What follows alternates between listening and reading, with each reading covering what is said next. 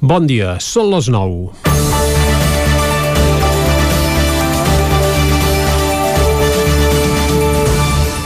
Ciutadans o Ciudadanos sempre ha sigut un partit marcià al territori 17. No tenen ni han tingut mai cap alcaldia i el Ripollès, Osona i el Moianès no tenen ni han tingut mai cap regidor. Per tenir no tenen ni estructura i quan s'han presentat a alguns municipis el seu resultat ha ratllat el ridícul. Al Vallès Oriental hi tenen una presència testimonial, però és evident que tampoc hi han acabat d'arrelar. Però clar, quin arbre arrela quan el terra només hi té fang? I és que Ciutadans des de sempre ja va néixer com un partit partit fet per anar a la contra i que a Catalunya va tenir sempre un únic discurs, el de la demagògia i la persecució del català. Algú s'imagina que a Portugal hi arrelés un partit que demanés que el portuguès deixés de ser la llengua vehicular a les escoles? No, oi? Doncs a Catalunya hi pretenia arrelar un partit que volia evitar que la llengua pròpia del país fos vehicular a l'ensenyament. És per tot plegat que ara que assistim a la desintegració de ciutadans, alguns no podem evitar una rialla de satisfacció.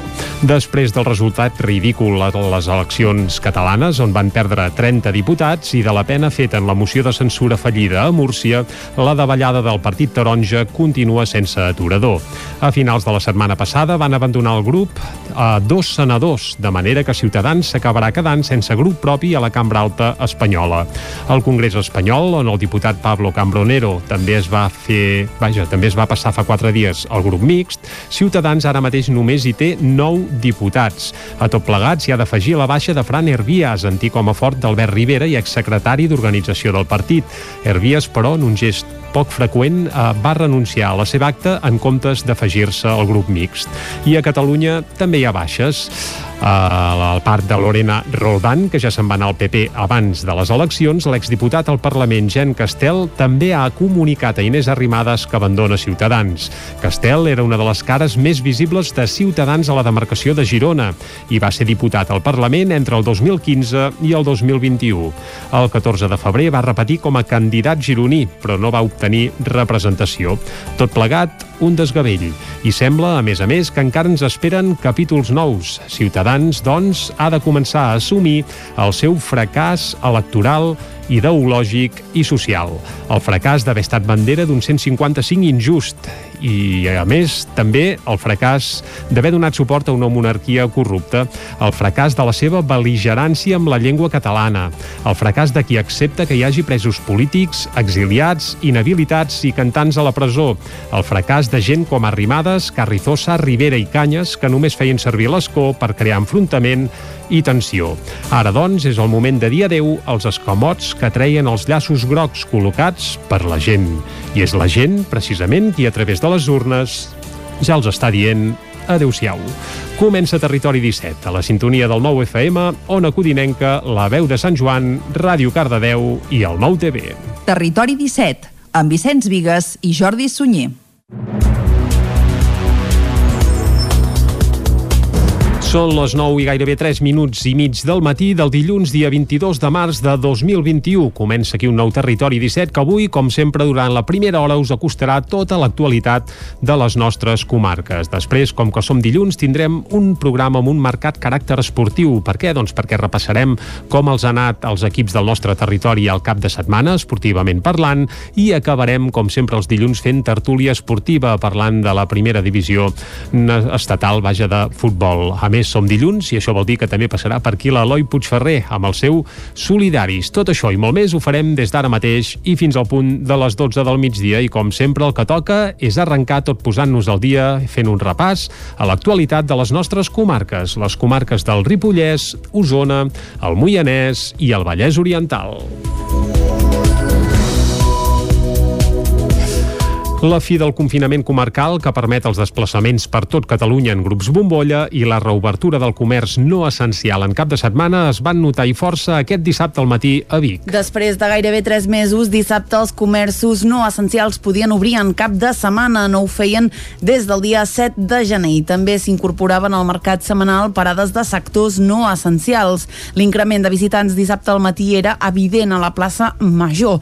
Hi van haver comerços que van treballar de valent i d'altres tant. Sentim a Maria Dolors Puntí de la botiga Estret número 6, Maria Lluïsa Carmona, paradista del mercat i Imma Fageda de l'establiment Imart. Molta gent, molta feina i la gent amb ganes de comprar que ja tocava. Vull dir, ja és una cosa que tocava i han vingut clientes de fora, de Manresa, d'Olot, que tenien ganes de baixar aquí a Vic i de comprar. Clar, tampoc és igual la gent que ve un dilluns o un dimarts que molta més gent que ve un dissabte o diumenge i tenen més ganes de sortir, la gent té moltes ganes, no seria de gastar, perquè és el que jo dic, de venda jo no n'he vist molta, però de gent sí. S'ha afectat moltíssim, pensa que nosaltres haguéssim pogut agafar pues, moltes més, molta més feina i l'hem tingut que deixar de tenir, ens hem tingut que mantenir. Però al tenir tants anys a darrere hem pogut aguantar això, saps? Però si haguéssim set gent nova que començàvem no haguéssim pogut pas aguantar.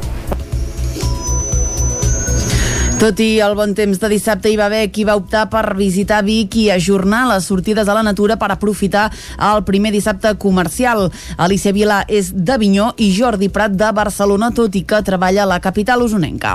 Aquest cap de setmana, com que aprofitant els comerços oberts el dissabte i tot, ens feia gràcia venir a fer alguna així més, més tranquil. Avui aquest matí és bastant diferent dels de fa uns quan, bueno, de fa un parell de mesos que havia molt poca cosa i en canvi ara recupera una mica la normalitat que és molt entretingut al Mercat de Vic.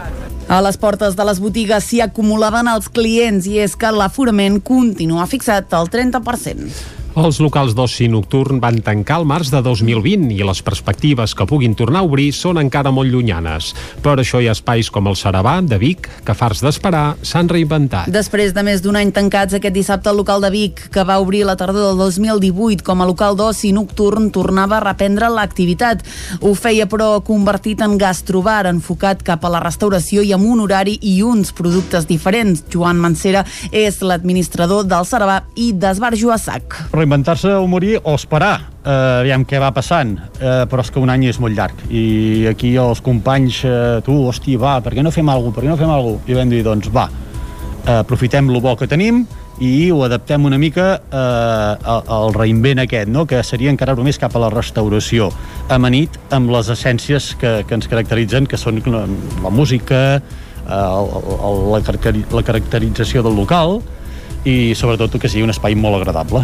El nou enfoc del local passa per fer menjar més elaborat i amb varietat, des de vermuts, passant per tapes i plats calents com arrossos. Ho fan de la mà de boires esdeveniments de GURB, amb qui s'han associat. El local és molt diàfan per combinar interior i exterior i això els hi permet tenir una bona ventilació i seguir totes les mesures anticovid. Joan Mancera el que no farem és, és uh, aprofitar cada metro quadrat al màxim per tenir gent, no, fem espais generosos respectant inclús més de dos metres de distància, el que volem és que la gent estigui còmoda i segura davant aquesta situació els locals d'oci nocturn d'Esbarjo a Sac van tancar les portes el 12 de març de 2020. Des de llavors no han pogut tornar a obrir i no han rebut cap ajuda significativa de l'administració. La seva lluita l'exemplifiquen amb la bandera pirata que uneja a la taulada.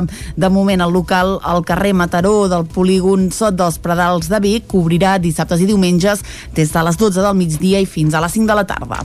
L'Ajuntament de Camprodon farà un procés participatiu per decidir com ha de ser la renovació construcció del carrer València. Isaac Muntades, des de la veu de Sant Joan. L'Ajuntament de Camprodon escoltarà els veïns del municipi a l'hora de renovar el carrer València, un dels carrers més cèntrics i concorreguts de la vila. Cal recordar que aquesta obra serà finançada pel Pla Únic d'Obres i Serveis de Catalunya, el POSC, per un import de gairebé 396.000 euros. L'alcalde de Tots per Camprodon, Xavier Guitar, va explicar com serà el procés participatiu en què els ciutadans podran escollir com serà la renovació. Estem acabant els projectes, aquests sis projectes que et dic, ara estem fent un redactat per explicar una mica cada projecte, i a partir de l'explicació de cada projecte projecte s'iniciarà una exposició pública perquè tothom pugui veure. Després es farà tema d'opinió, opinió popular. I finalment es farà un sistema de votació. Primer la idea és presentar-ho als implicats, que són els veïns i, i palesos del carrer València, i seguit d'això es començaria amb el tema de, de diguéssim, el procés participatiu, que seria primer una primera embranzida de propostes o de millores o, o, o d'opinions, simplement, de si càmeres sí, si càmeres no, si pilones, si no pilones, si, no sé, saps, si asfaltat, jo què sé, eh, m'ho invento. I seguidament hi hauria el tema aquest de, de fer una... Després de quedar, per dir una cosa, de sis, passarem a tres, a tres propostes o a dues, depèn de l'acceptació que tingui, es faria un procés de votació. Precisament, tal com deia Guitart, els ciutadans podran decidir si ubiquen càmeres de vigilància per evitar que els vehicles hi estacionin, si les voreres són més altes o baixes, si s'hi posen pilones o jardineres, quin paviment s'hi posa, entre altres opcions. Per exemple, en el cas del criteri de pavimentació, l'alcalde vol seguir una línia d'allò que s'ha fet els darrers anys al carrer Sant Roc, al carrer Catalunya o a la plaça de la Vila. Els terminis del procés participatiu serien d'un parell o tres de mesos. Guitar creu que d'aquí a un mes o abans ja podrien iniciar l'exposició al públic i després deixaria algun mes més abans de votar. Les obres començaran després de l'estiu per un tema de tempos i per salvar la temporada turística i en principi està previst que s'acabin a finals d'any o a principis del 2022, ja que tenen un termini d'entre 4 i 5 mesos de durada. Granollers rehabilitarà un edifici unifamiliar per destinar-lo a allotjament social d'urgència i temporal. L'habitatge està ubicat al passeig Francesc Fàbregas, cantonada amb la carretera del Mas Nou. David Auladell, de Ràdio i Televisió, Cardedeu. L'Ajuntament de Granollers iniciarà pròximament les obres de rehabilitació d'un edifici unifamiliar aïllat del passeig Francesc Fàbregas, cantonada amb la carretera del Masnou, per tal de completar la xarxa de pisos de suport social existents a la ciutat. Dimarts, la Junta de Govern va aprovar inicialment el projecte executiu de l'obra, que inclou un estudi de seguretat i salut amb un pressupost de 454.000 euros. El nou edifici es destinarà a l'allotjament social d'urgència i temporal per persones amb un risc social elevat i serà gestionat pels serveis socials de l'Ajuntament de Granollers. Les instal·lacions del Vallès Club Caní d'Agility a la Torre Marimón de Caldes de Montbui acullen un campionat amb la participació de 100 persones. Caral Campàs, des d'Ona Codinenca.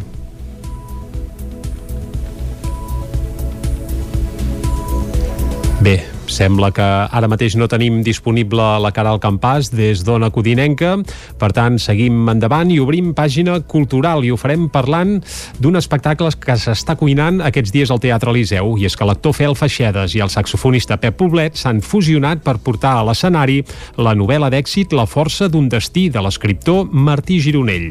L'adaptació del llibre amb el que Gironell va guanyar el Premi Ramon Llull l'any 2018 està prenent forma aquests dies al Teatre Eliseu de Roda de Ter per estrenar estrenar-se davant del públic el proper 24 d'abril. L'actor Fel Feixedes es posa a la pell de Caferino Carrion, l'home que va sortir de la Barcelona de la postguerra per triomfar als Estats Units i retornar a Catalunya per fer el mític Big Gen León.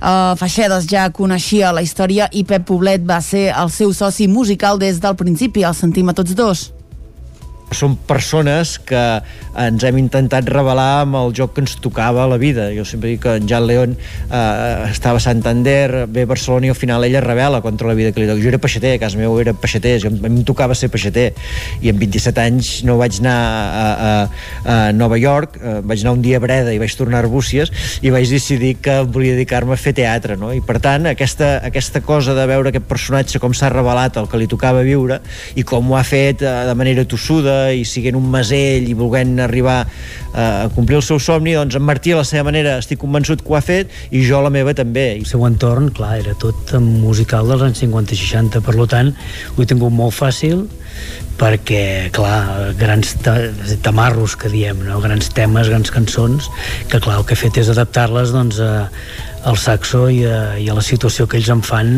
L'escriptor Martí Gironell assegura que la versió de Feixedes explica l'essència del personatge de la seva novel·la. És veritat que sempre havíem pensat més en una adaptació o en sèrie o cinematogràfica, en qualsevol cas sempre en format audiovisual. Mai se m'havia eh, acudit ni, ni ocorregut que, que podria pujar als escenaris. No? És un amic que et va explicant tot el que li ha passat a la seva vida perquè ell hi ha sigut gairebé a tot arreu, eh, tots aquests episodis, ell els ha viscut al seu costat. Carla Xuiriguera i Anna Casals han dirigit el muntatge. I per tancar la pàgina cultural ens fem ressò d'una mala notícia i és que roben un valuós violí al director de l'Orquestra de Cambra de Granollers mentre viatjava en tren. Era un exemplar de l'any 1829. David Auladell, de Ràdio i Televisió, Cardedeu. Uns desconeguts van robar el violí i els arcs al director de l'Orquestra de Cambra de Granollers, Corrado Bolsi. Els fets van tenir lloc divendres al migdia, quan Bolsi es desplaçava en tren de Granollers a Barcelona just després d'assajar amb l'orquestra. Els fets van provocar una forta reacció i una crida a recuperar l'exemplar.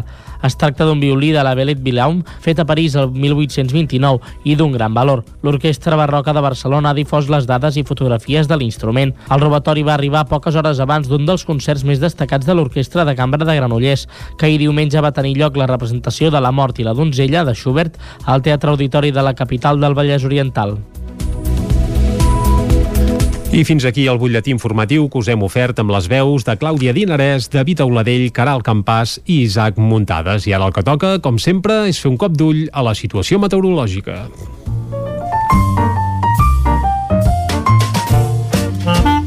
Casa Terradellos us ofereix el temps. I a Territori 17 parlar del temps vol dir parlar amb en Pep Acosta, aquí ja tenim a l'altra banda del fil telefònic perquè ens acosti l'actualitat meteorològica. Pep, molt bon dia. Hola, molt bon dia. I molt bona hora. Què tal esteu? Anar fent. Per fi és dilluns, uh -huh. per fi estem a la informació meteorològica i per fi estem a la primera setmana sencera de primavera d'aquesta primavera uh -huh. de l'any 2021. Una primavera que va començar el divendres a les 10 i 37 minuts del matí. Uh -huh. De moment no s'ha deixat sentir gaire.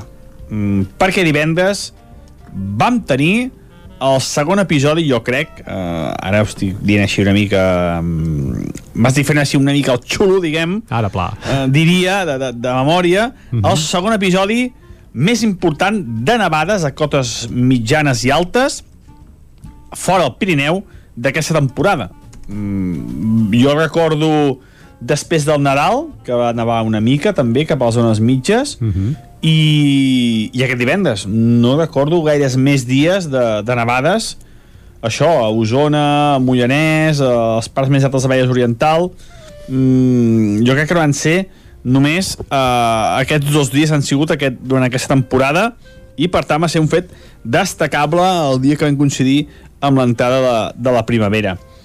Uh, dissabte i diumenge van ser dies molt més estables, uh, molta tranquil·litat i molt de sol.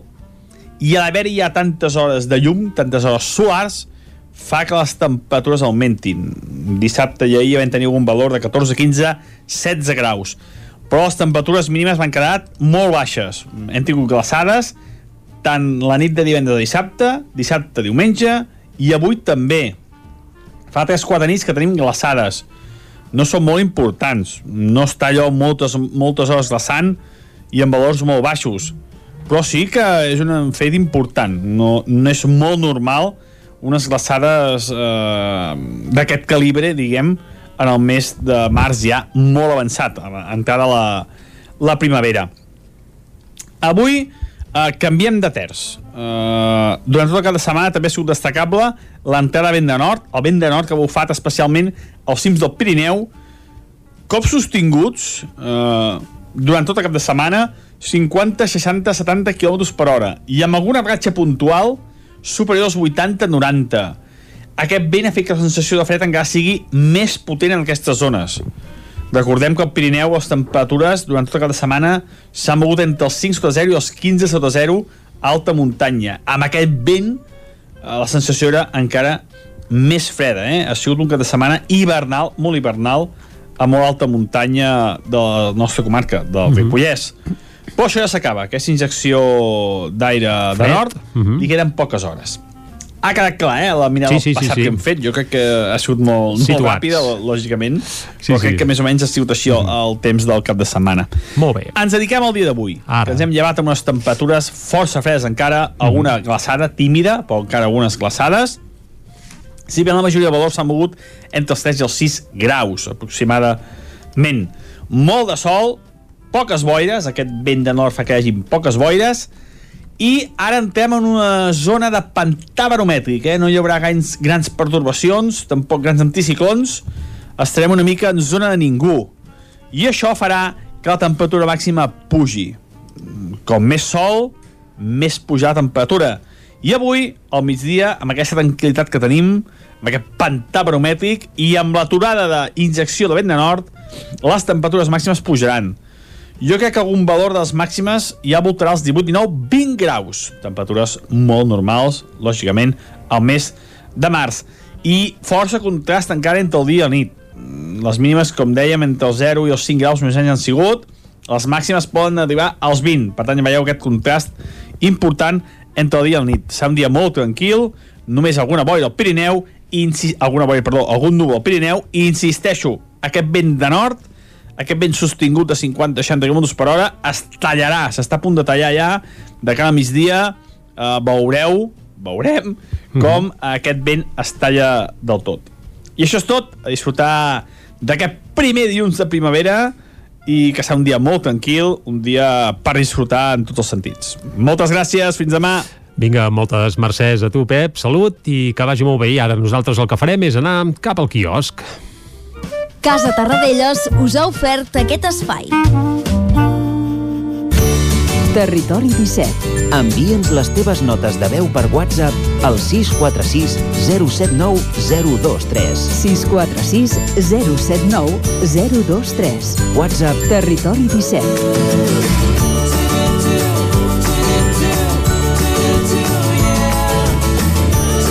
Territori 17.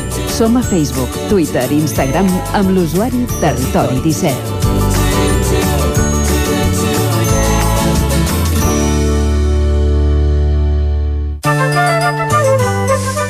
I al quiosc, evidentment, no hi, no hi anem mai sols i anem acompanyats amb la Clàudia Dinarès, a qui saludem de nou. Bon dia, Clàudia. Molt bon dia a tothom. Uh, comencem avui, que és dilluns, per les portades del 9-9, eh? Correcte, comencem concretament per l'edició d'Osona i el Ripollès que diu aire al turisme, restaurants i cases rurals d'Osona i el Ripollès s'han vist beneficiats pel primer cap de setmana sense confinament comarcal.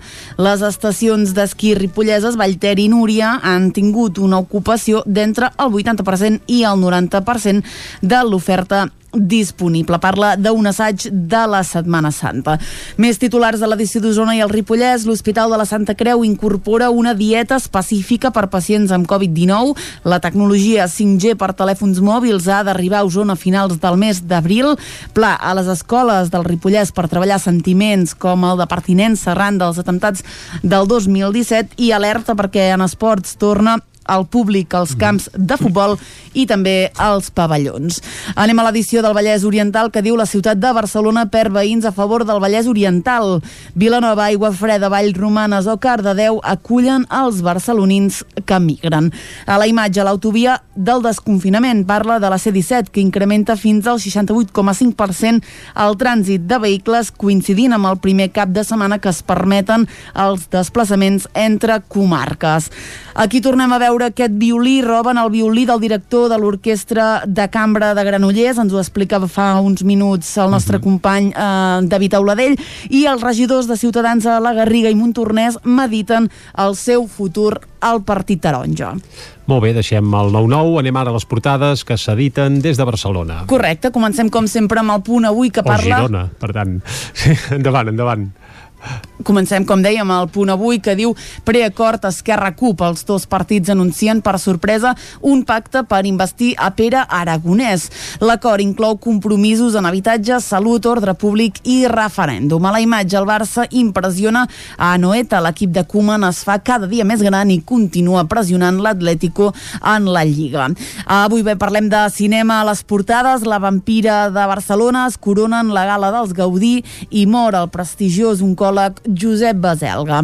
Anem al diari Ara, precisament eh, es fa ressò d'aquesta mateixa notícia. Mor als 61 anys l'oncòleg Josep Baselga, referent de la medicina personalitzada. El titular principal diu Esquerra i la CUP arriben a un preacord sense esperar junts. Els dos partits pacten, entre altres qüestions, la suspensió de l'ús de les bales de foam. A la imatge, les niñes es graduen als Gaudí. El film de Pilar Palomero comparteix podi amb la vampira de Barcelona de Lluís Danés i Salut immunitza a mig gas per la falta de dosis i els límits d'edat. Anem avançant, anem al periòdico que diu Esquerra i la CUP firmen un pacte de mínims per pressionar Junts per Catalunya. L'acord preveu un gir social del govern i proposa un altre referèndum a l'espera del diàleg amb la Moncloa. A la imatge, la vampira dels Gaudí, la cinta de Lluís Danés, la vampira de Barcelona, arrasa juntament amb les niñes en uns premis reivindicatius i sense sorpreses. Canviem de tema, Catalunya competeix amb quatre autonomies per fabricar bateries i en esports el Barça passa per sobre de la Reial Societat i li col·loca un 1 a 6 a Noeta. Acabem amb l'avantguàrdia que diu Esquerra pacta amb la CUP i pressiona Junts per formar govern. A la imatge aquí qui veiem és a Josep Baselga, diu adeu al metge que va canviar la lluita contra el càncer. La vampira de Barcelona triomfa en la nit de les òperes primes, parlem dels Gaudí, i a la Lliga el Barça goleja la Reial 1 a 6 i manté la persecució de l'Atlètic. Molt bé, anem ara a repassar què diuen les portades que s'editen des de Madrid. Comencem amb el país que diu Aragonès pacta amb la CUP per pressionar a Junts davant de la investidura. La moció a Castella i Lleó oberta fins al final. La Unió Europea, canviem de tema, oferirà a Erdogan més ajuda pels refugiats i a la imatge toc de queda contra la gresca a Miami Beach. Anem al Mundo que diu els alcaldes encerclen a Montero per el greuge respecte a Europa. A la imatge Ayuso dos punts. Diumenge de descans en la precampanya. Veiem uh, Isabel Díaz Ayuso doncs, uh, fent un descans uh, per Madrid, en Ara, fi, clar, amb una imatge que no té més. Uh, I un altre titular que diu Calvo promet una llei per prohibir la prostitució sense comptar amb Podemos. Anem avançant, anem a la raó que diu el PP tem perdre Castella i Lleó tot i salvar la moció d'avui. Iglesias, per la seva banda, no desbanca a Errejón ni suma amb el Partit Socialista per governar. I a la imatge hi veiem tot de turistes eh, arribant concretament a Mallorca, és una de les imatges que ens deixa el cap de setmana, i el titular que acompanya la imatge diu les, soca, les soques més perilloses es disparen. I acabem, com sempre, amb l'ABC, que diu Sánchez esquiva l'obligació legal d'aprovar el seu plan d'ajust fiscal. A la imatge alerta, cap dels temes que hem tractat fins ara, diu la intel·ligència cubana s'infiltra als CDR i a la esquerra a l'esquerra radical. Diu el castrisme fa servir les seves associacions a Espanya per donar suport a l'independentisme català i basc. A la imatge hi veiem a Robert Morral, líder, eh, diuen, dels CDR, junt amb Gust- Gustavo de la Torre, que diuen que és el president de les associacions de cubans a Espanya, eh, una imatge que han rescatat d'un acte que es va celebrar a Barcelona, concretament l'any 2019. Recordem que això ho diu l'ABC, eh? Exacte, sí, sí. Doncs això, queda dit. Clàudia, moltes gràcies per aquest repàs a la premsa del dia i nosaltres ara el que farem aquí a Territori 17 de seguida és fer una pausa. Tornarem a dos quarts en punt, acostant-vos de nou tota l'actualitat de les nostres comarques. I després, fins a les 12, us continuarem fent companyia avui amb un marcat caràcter esportiu. Eh? Repassarem com els ha anat els equips del nostre territori al cap de setmana i acabarem fent tertúlia esportiva parlant, evidentment, d'aquest 1 a 6 del Barça al camp de la Reial Societat. Ara una pausa i tornem a dos quarts. Fins ara. El nou FM, la ràdio de casa, al 92.8. Bigatans i gent dels voltants, Mercat del Ram, pandèmia. Eh, que ho veieu que no funciona? No ens podem permetre aquelles aglomeracions per anar a veure l'últim model de cossatxadora. Però pots venir al Parc Jaume Balmes on hi trobaràs productes alimentaris de la comarca i a la Fira d'Artesania. Mercat del Ram, 26, 27 i 28 de març. Per a més informació, descarrega't l'app del Mercat i consulta les activitats i els horaris. Això és el que s'escolta al voltant d'una caldera saunia d'Oval. Tranquilitat i benestar, perquè gaudeix del millor manteniment del servei tècnic oficial per estar despreocupat. O el que vulgui. Informis a Oficiat Nord trucant al 93 886 0040. Saunia d'Oval, sempre al seu costat. Papeta Vilaró. Menjar a domicili per a gent gran. Menús saludables i adaptats segons les seves necessitats. Per viure més temps a casa amb millor salut i qualitat de vida. Informa't en al 931 31 71 81 o a papetavilaró.cat.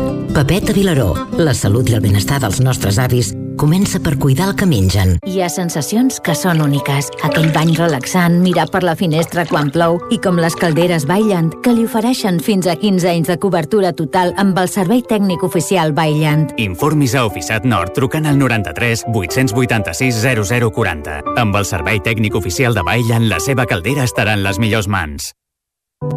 Cobertes serveis funeraris. Els nostres tanatoris estan ubicats en els nuclis urbans més poblats de la comarca d'Osona per oferir un millor servei.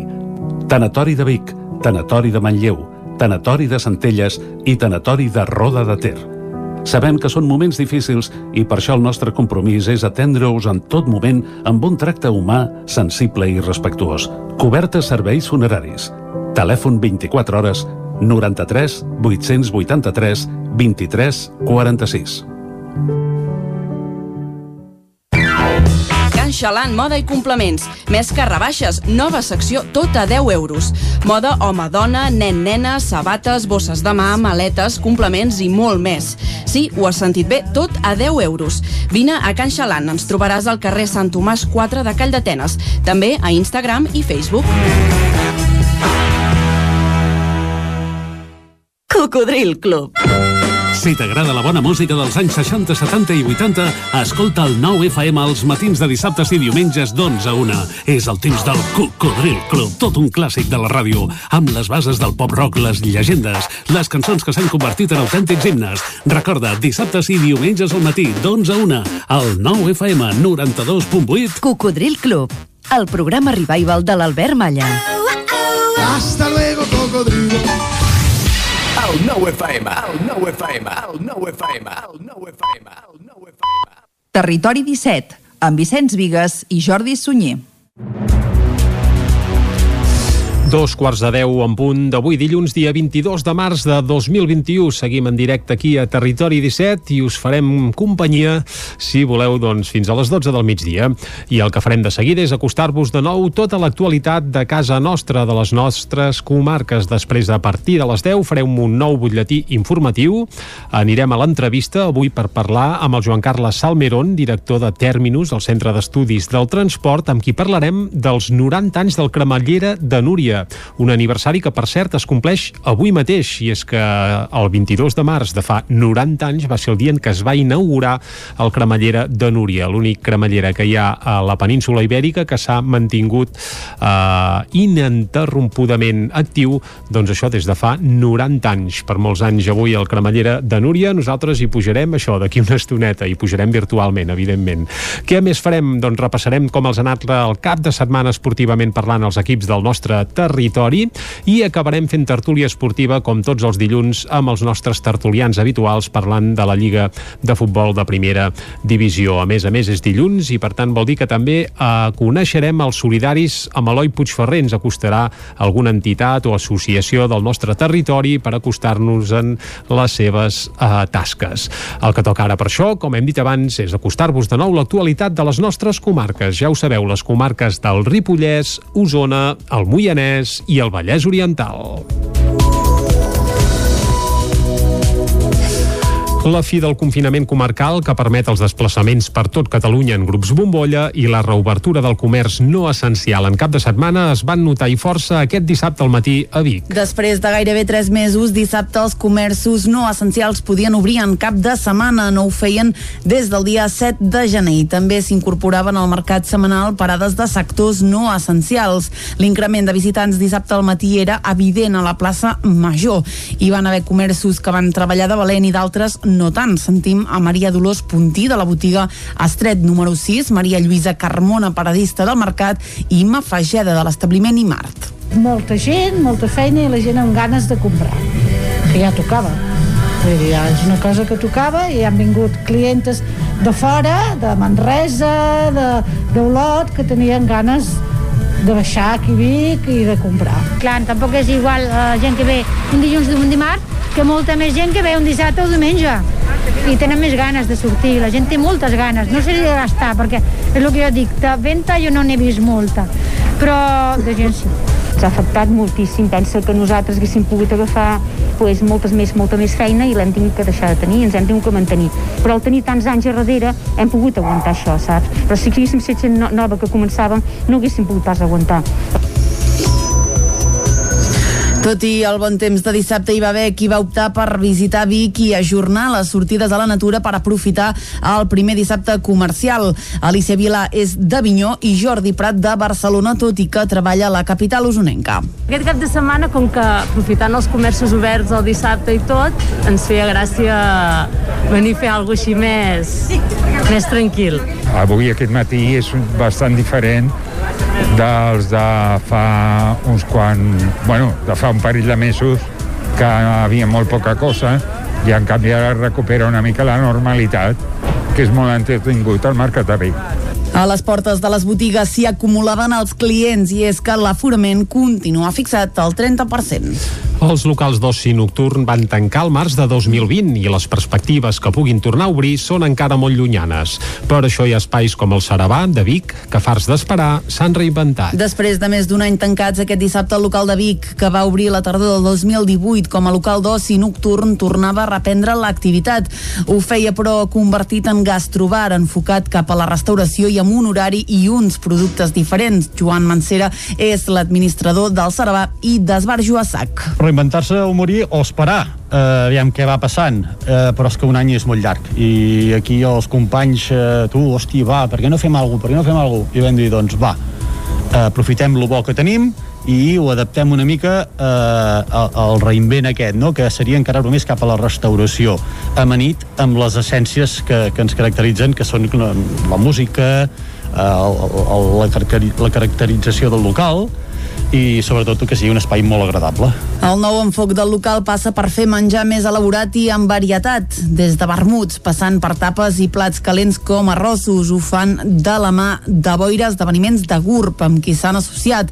El local és molt diàfan per combinar interior i exterior i això els hi permet tenir una bona ventilació i seguir totes les mesures anticovid. Joan Mancera el que no farem és, és uh, aprofitar cada metro quadrat al màxim per tenir gent, no, farem espais generosos respectant inclús més de dos metres de distància, el que volem és que la gent estigui còmoda i segura davant aquesta situació els locals d'oci nocturn d'Esbarjo a Sac van tancar les portes el 12 de març de 2020. Des de llavors no han pogut tornar a obrir i no han rebut cap ajuda significativa de l'administració.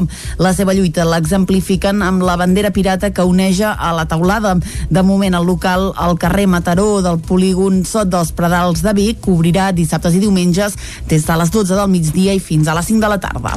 L'Ajuntament de Camprodon farà un procés participatiu per decidir com ha de ser la renovació del carrer València.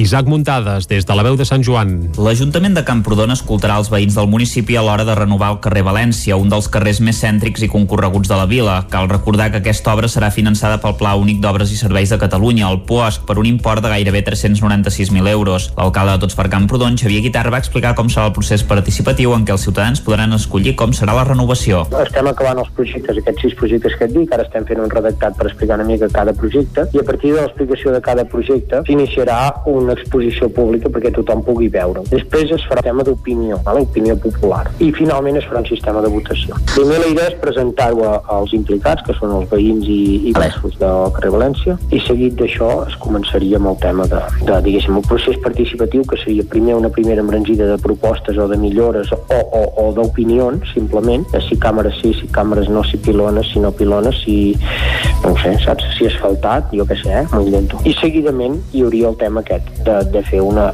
Després de quedar, per dir una cosa de 6, passarem a 3, a 3 propostes o a dues, depèn de l'acceptació que tingui, es faria un procés de votació. Precisament, tal com deia Guitart, els ciutadans podran decidir si ubiquen càmeres de vigilància per evitar que els vehicles hi estacionin, si les voreres són més altes o baixes, si s'hi posen pilones o jardineres, quin paviment s'hi posa, entre altres opcions. Per exemple, en el cas del criteri de pavimentació, l'alcalde vol seguir una línia d'allò que s'ha fet els darrers anys al carrer Sant Roc, al carrer Catalunya o a la plaça de la Vila. Els terminis del procés participatius serien d'un parell o tres de mesos. Guitar creu que d'aquí a un mes o abans ja podrien iniciar l'exposició al públic i després deixaria algun mes més abans de votar. Les obres començaran després de l'estiu per un tema de tempos i per salvar la temporada turística i en principi està previst que s'acabin a finals d'any o a principis del 2022, ja que tenen un termini d'entre 4 i 5 mesos de durada. Granollers rehabilitarà un edifici unifamiliar per destinar-lo a allotjament social d'urgència i temporal. L'habitatge està ubicat al passeig Francesc Fàbregas, cantonada amb la carretera del Mas Nou. David Auladell, de Ràdio Televisió, Cardedeu. L'Ajuntament de Granollers iniciarà pròximament les obres de rehabilitació d'un edifici unifamiliar aïllat del passeig Francesc Fàbregas, cantonada amb la carretera del Masnou, per tal de completar la xarxa de pisos de suport social existents a la ciutat. Dimarts, la Junta de Govern va aprovar inicialment el projecte executiu de l'obra, que inclou un estudi de seguretat i salut amb un pressupost de 454.000 euros. El nou edifici es destinarà a l'allotjament social d'urgència i temporal per persones amb un risc social elevat i serà gestionat pels serveis socials de l'Ajuntament de Granollers. Les instal·lacions del Vallès Club Caní d'Agility a la Torre Marimont de Caldes de Montbui acullen un campionat amb la participació de 100 persones. Caral Campàs, des d'Ona Codinenca.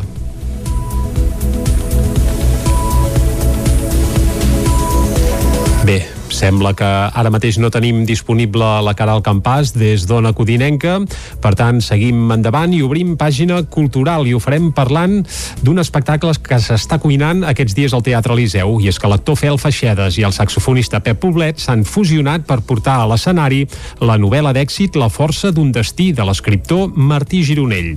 L'adaptació del llibre amb el que Gironell va guanyar el Premi Ramon Llull l'any 2018 està prenent forma aquests dies al Teatre Eliseu de Roda de Ter per estrenar-se davant del públic el proper 24 d'abril. L'actor Fel Feixedes es posa la pell de Caferino Carrion, l'home que va sortir de la Barcelona de la postguerra per triomfar als Estats Units i retornar a Catalunya per fer el mític Big Gen León. Uh, Feixedes ja coneixia la història i Pep Poblet va ser el seu soci musical des del principi, el sentim a tots dos són persones que ens hem intentat revelar amb el joc que ens tocava a la vida. Jo sempre dic que en Jan León eh, estava a Santander, ve a Barcelona i al final ella revela contra la vida que li toca. Jo era peixater, a casa meu era peixater, jo, a mi em tocava ser peixater i amb 27 anys no vaig anar a, a, a Nova York, eh, vaig anar un dia a Breda i vaig tornar a Arbúcies i vaig decidir que volia dedicar-me a fer teatre, no? I per tant, aquesta, aquesta cosa de veure aquest personatge com s'ha revelat el que li tocava viure i com ho ha fet eh, de manera tossuda i siguent un masell i volent arribar eh, a complir el seu somni, doncs en Martí a la seva manera estic convençut que ho ha fet i jo la meva també. El seu entorn, clar, era tot musical dels anys 50 i 60, per tant ho he tingut molt fàcil perquè, clar, grans tamarros que diem, no? grans temes, grans cançons, que clar, el que he fet és adaptar-les doncs, a, al saxo i a, i a la situació que ells en fan L'escriptor Martí Gironell assegura que la versió de Feixedes explica l'essència del personatge de la seva novel·la. És veritat que sempre havíem pensat més en una adaptació o en sèrie o cinematogràfica, en qualsevol cas sempre en format audiovisual. Mai se m'havia eh, acudit ni, ni ocorregut que, que podria pujar als escenaris. No? És un amic que et va explicant tot el que li ha passat a la seva vida perquè ell hi ha sigut gairebé a tot arreu eh, tots aquests episodis, ell els ha viscut al seu costat. Carla Xuiriguera i Anna Casals han dirigit el muntatge. I per tancar la pàgina cultural ens fem ressò d'una mala notícia i és que roben un valuós violí al director de l'Orquestra de Cambra de Granollers mentre viatjava en tren. Era un exemplar de l'any 1829. David Auladell, de Ràdio i Televisió, Cardedeu. Uns desconeguts van robar el violí i els arcs al director de l'Orquestra de Cambra de Granollers, Corrado Bolsi. Els fets van tenir lloc divendres al migdia, quan Bolsi es desplaçava en tren de Granollers a Barcelona just després d'assajar amb l'orquestra. Els fets van provocar una forta reacció i una crida a recuperar l'exemplar.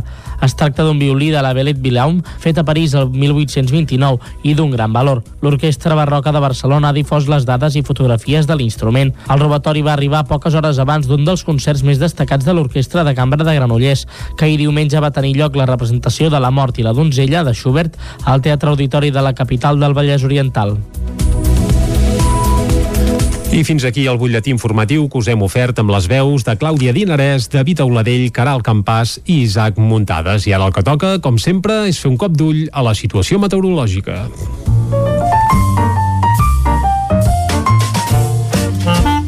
Casa Terradellos us ofereix el temps. I a Territori 17 parlar del temps vol dir parlar amb en Pep Acosta, aquí ja tenim a l'altra banda del fil telefònic perquè ens acosti l'actualitat meteorològica. Pep, molt bon dia.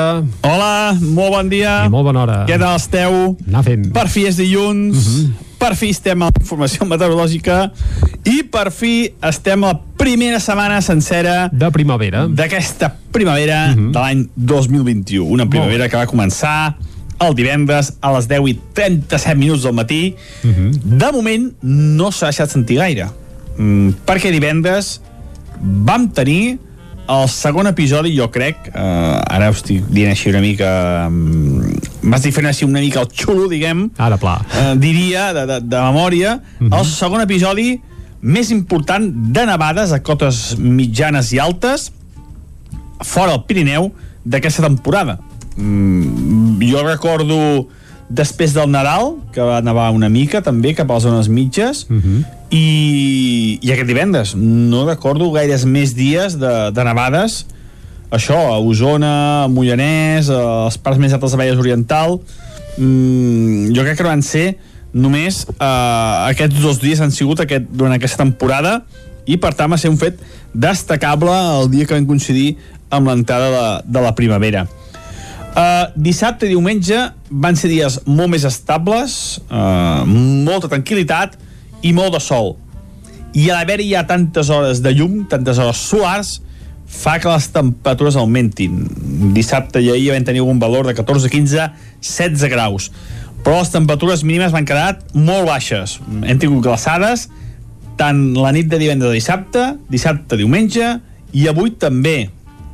Fa 3-4 nits que tenim glaçades no són molt importants. No està allò moltes, moltes hores glaçant i amb valors molt baixos. Però sí que és un fet important. No, no és molt normal unes glaçades eh, d'aquest calibre, diguem, en el mes de març ja molt avançat, entrada la, la primavera. Avui eh, canviem de terç. Eh, durant tot el cap de setmana també ha sigut destacable l'entrada vent de nord, el vent de nord que ha bufat especialment als cims del Pirineu, cops sostinguts eh, durant tot el cap de setmana 50, 60, 70 km per hora i amb alguna ratxa puntual superior als 80, 90 aquest vent ha fet que la sensació de fred encara sigui més potent en aquestes zones recordem que al Pirineu les temperatures durant tot el cap de setmana s'han mogut entre els 5 sota 0 i els 15 sota 0 a alta muntanya amb aquest vent eh, la sensació era encara més freda eh? ha sigut un cap de setmana hivernal, molt hivernal a molt alta muntanya de la nostra comarca, del mhm. Ripollès. Però això ja s'acaba, aquesta injecció d'aire de nord, Mhm. -huh. i queden poques hores. Ha quedat clar, eh, la mirada Sí, sí, sí, passat sí. que hem fet. Jo crec que ha sigut molt, molt ràpida, lògicament, Sí, però sí. crec que més o menys ha sigut això el temps del cap de setmana. Molt bé. Ens dediquem al dia d'avui, que ens hem llevat amb unes temperatures força fredes encara, alguna glaçada tímida, però encara algunes glaçades, si bé la majoria de valors s'han mogut entre els 3 i els 6 graus, aproximadament. Molt de sol, poques boires, aquest vent de nord fa que hi hagi poques boires, i ara entrem en una zona de pantà baromètric, eh? no hi haurà grans, grans pertorbacions, tampoc grans anticiclons, estarem una mica en zona de ningú. I això farà que la temperatura màxima pugi. Com més sol, més pujar la temperatura. I avui, al migdia, amb aquesta tranquil·litat que tenim, amb aquest pantà baromètric i amb l'aturada d'injecció de vent de nord, les temperatures màximes pujaran. Jo crec que algun valor de les màximes ja voltarà els 18, 19, 20 graus. Temperatures molt normals, lògicament, al mes de març. I força contrast encara entre el dia i la nit. Mm, Les mínimes, com dèiem, entre els 0 i els 5 graus més o menys han sigut. Les màximes poden arribar als 20. Per tant, ja veieu aquest contrast important entre el dia i la nit. Serà un dia molt tranquil, només alguna boira al Pirineu, alguna boira, perdó, algun núvol al Pirineu, i insisteixo, aquest vent de nord aquest vent sostingut de 50-60 km per hora es tallarà, s'està a punt de tallar ja de cara a migdia. Eh, veureu, veurem com aquest vent es talla del tot. I això és tot, a disfrutar d'aquest primer dilluns de primavera i que serà un dia molt tranquil un dia per disfrutar en tots els sentits. Moltes gràcies, fins demà. Vinga, moltes mercès a tu, Pep, salut i que vagi molt bé. I ara nosaltres el que farem és anar cap al quiosc. Casa Tarradellas us ha ofert aquest espai. Territori 17. Envia'ns les teves notes de veu per WhatsApp al 646 079 023. 646 079 023. WhatsApp Territori 17.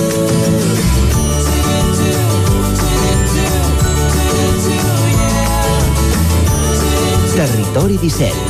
Som a Facebook, Twitter i Instagram amb l'usuari Territori 17.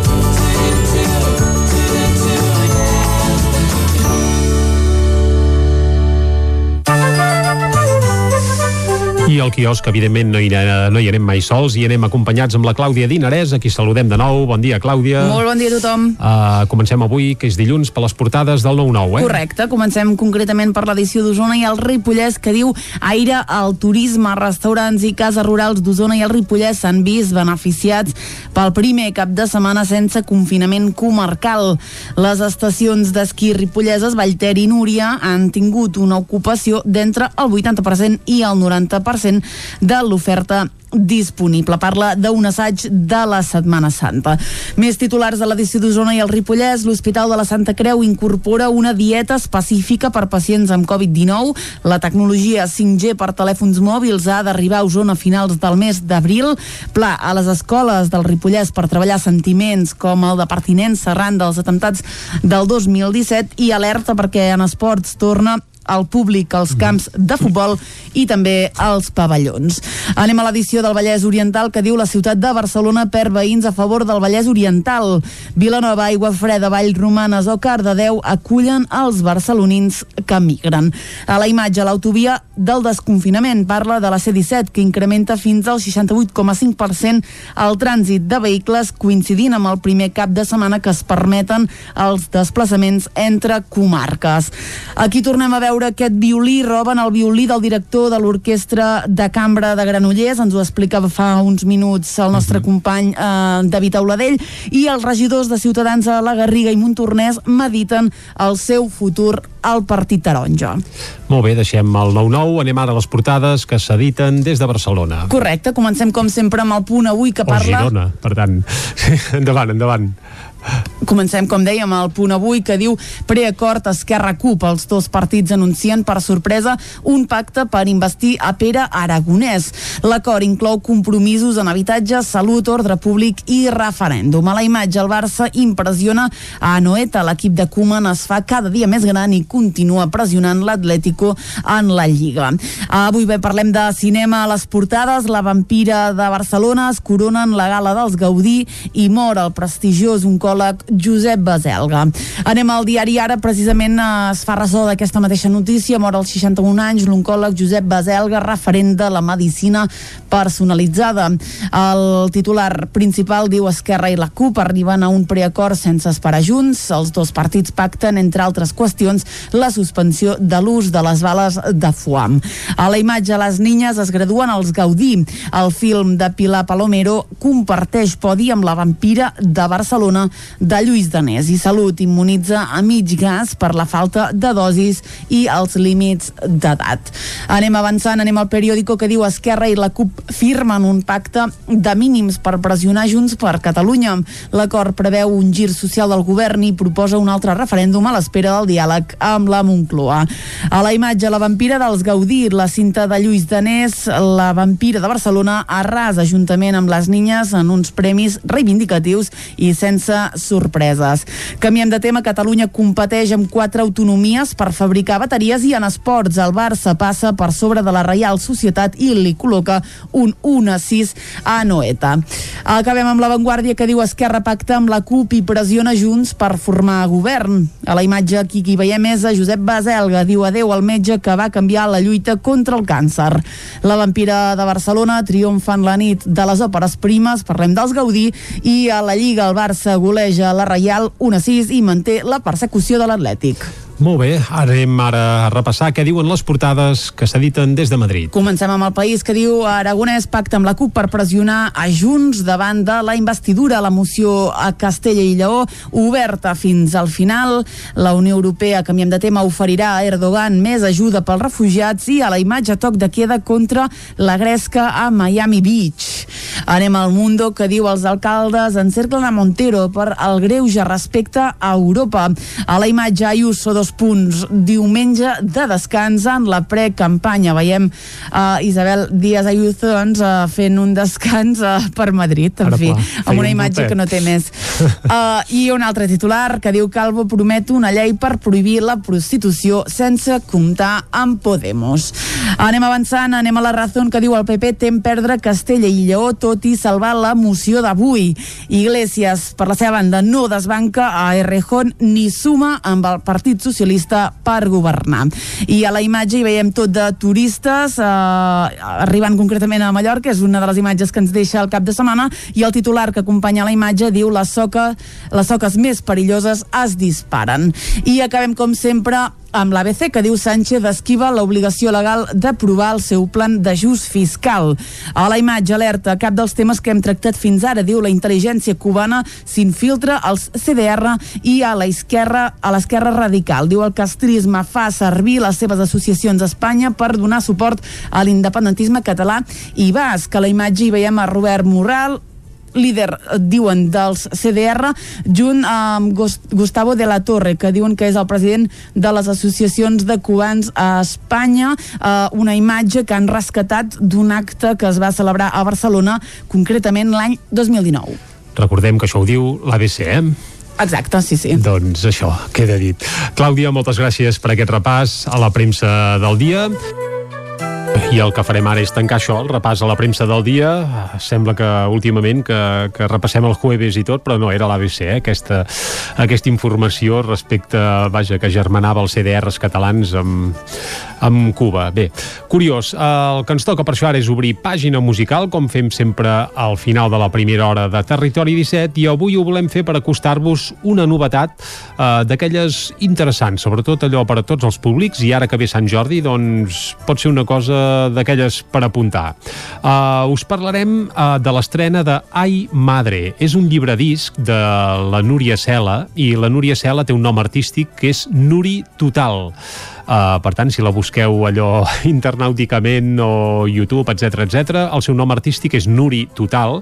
És una artista que viu a Tavernoles, a la comarca d'Osona, i que és especialista en espectacles per a públic familiar. Darrerament, per això, el que ha fet és uh, un llibre disc, un llibre disc que, com dèiem, es diu Ai Madre, que inclou uh, una desena de cançons que parlen totes elles sobre la maternitat. Són cançons allò tendres, algunes crues, algunes amb molt sentit de l'humor, eh, d'altres que potser no fan tanta gràcia, però bé, una mica com la maternitat en si, no? on no tot és un món de flors i violes, sinó que de vegades també hi ha aspectes més, més delicats. I bé, i de tot plegat, la Nuri n'ha fet un disc excepcional, un disc que per cert compta amb les il·lustracions d'Aina Sallés i que val molt la pena gaudir-ne, això a part de per les orelles, doncs també eh, gaudint de les il·lustracions i les lletres, perquè com us hem comentat, doncs és un disc que també és un llibre. I el que farem ara és escoltar-ne una peça. Cal dir que el llibre disc és eh, així en català i en castellà, i amb peces, algunes en català, algunes en castellà, per tant, per tots els gustos, i la Nuri doncs, ja ha avisat que que això ho presentarà en directe, per tant caldrà que estiguem atents també perquè aquest disc també es podrà gaudir a dalt de l'escenari, esperem que sigui ben aviat i que les limitacions de la pandèmia doncs no afectin a la seva presentació.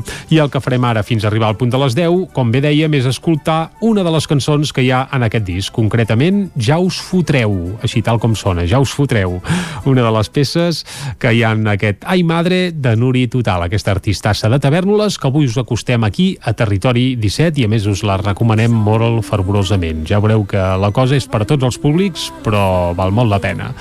Amb això arribem fins a les 10 aquí a Territori 17 amb el braç ben aixecat dibuixava un adeu i a ple pulmó cridava adeu-siau ja us ho fotreu. Ja us ho fotreu! I els meus peus han començat a trotar i a saltar molt alt i corria com una gasela d'aquelles dels documentals. I en lloc hi havia ningú el silenci regnava al món. Només se sentien els crits que em sortien del meu fons més fons. I em sentia tan feliç d'estar amb mi per mi per ningú. Feia el que em donava la gana estava amb mi prou. I el temps es tornava un regal al present més important. I se me'n fotia el que passés ahir o el que passaria demà. I el temps era meu, només meu,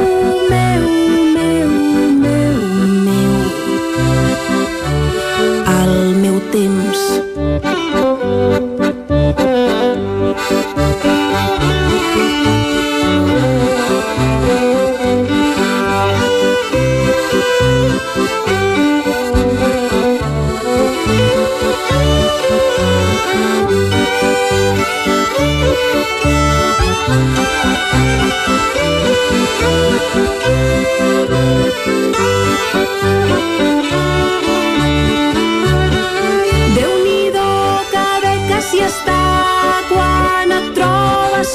pel món sense haver de patir massa, sense haver de fotre brot, sense haver de conciliar, sense haver de donar explicacions, sense haver de netejar caques i sense tenir mai son.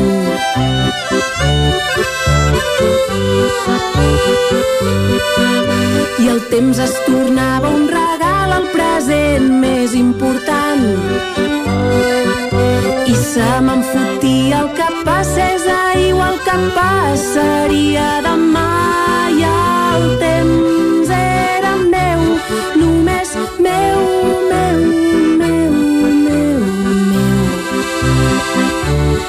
El meu temps,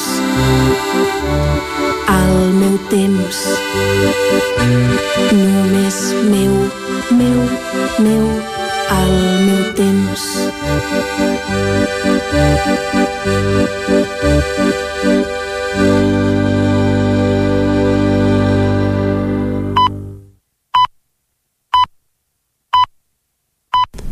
Tres comarques, Llet, Osona, el Vallès i Eresal.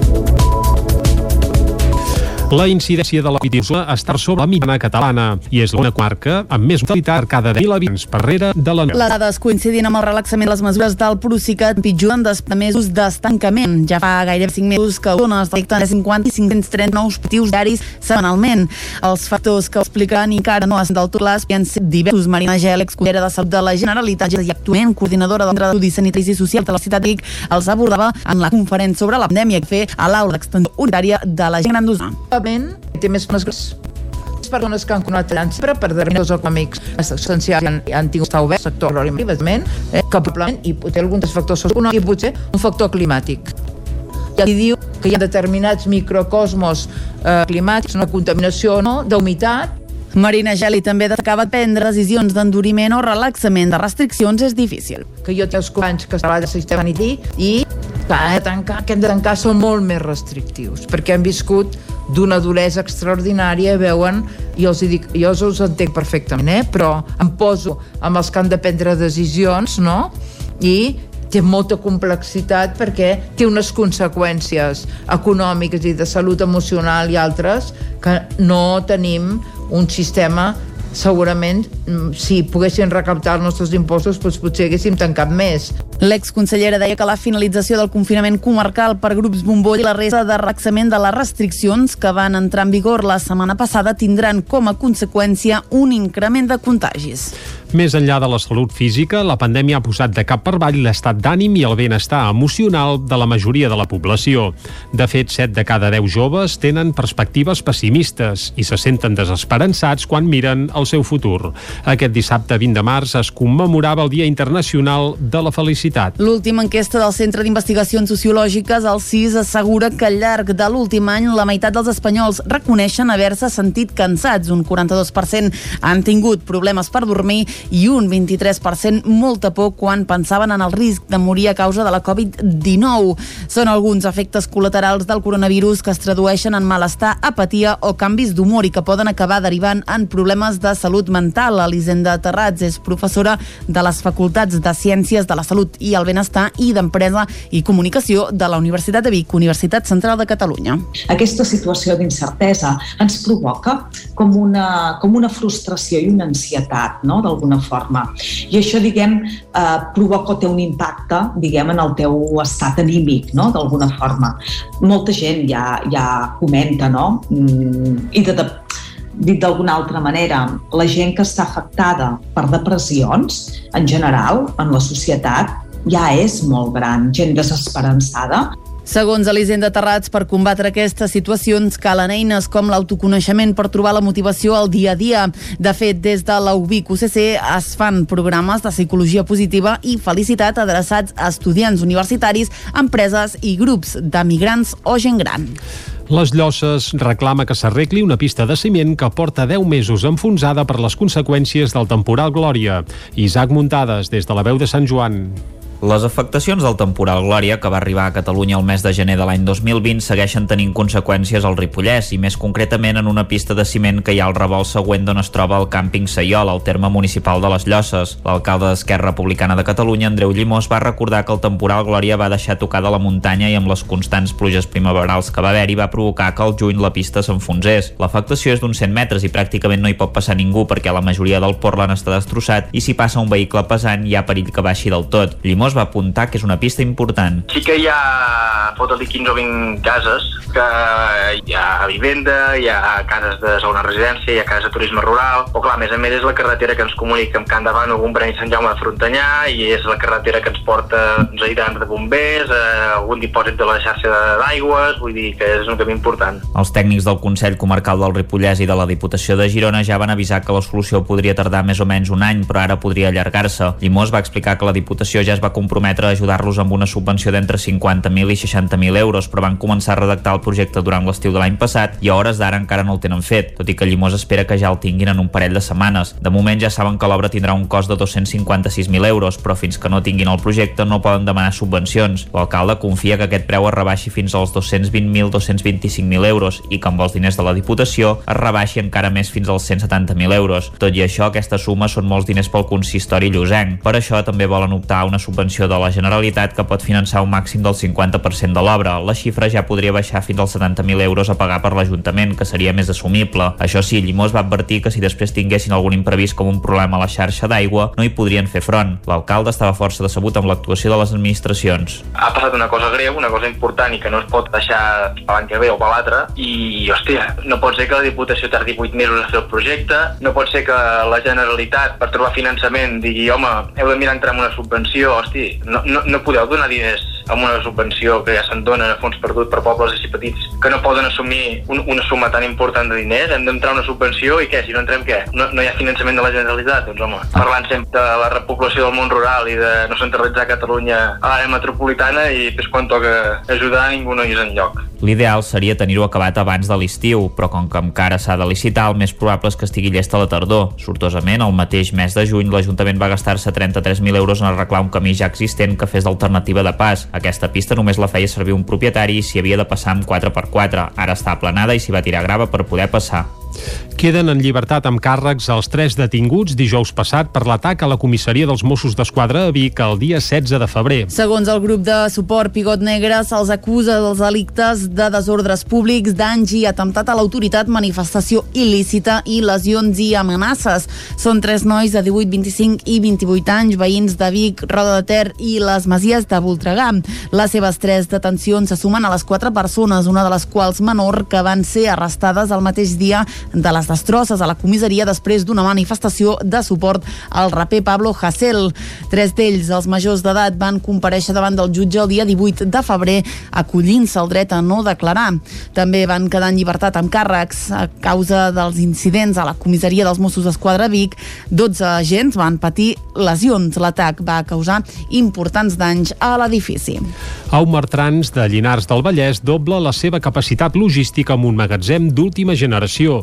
Es tracta d'un nou centre amb el que amplia a 10.000 metres quadrats les seves instal·lacions, comptant ara amb 10 molls de càrrega. David Auladell, de Ràdio i Televisió, Cardedeu. El magatzem annex a la central està equipat amb les últimes tecnologies del sector de la logística, tant d'emmagatzematge com de la preparació de comandes i maniobres de càrrega i descàrrega.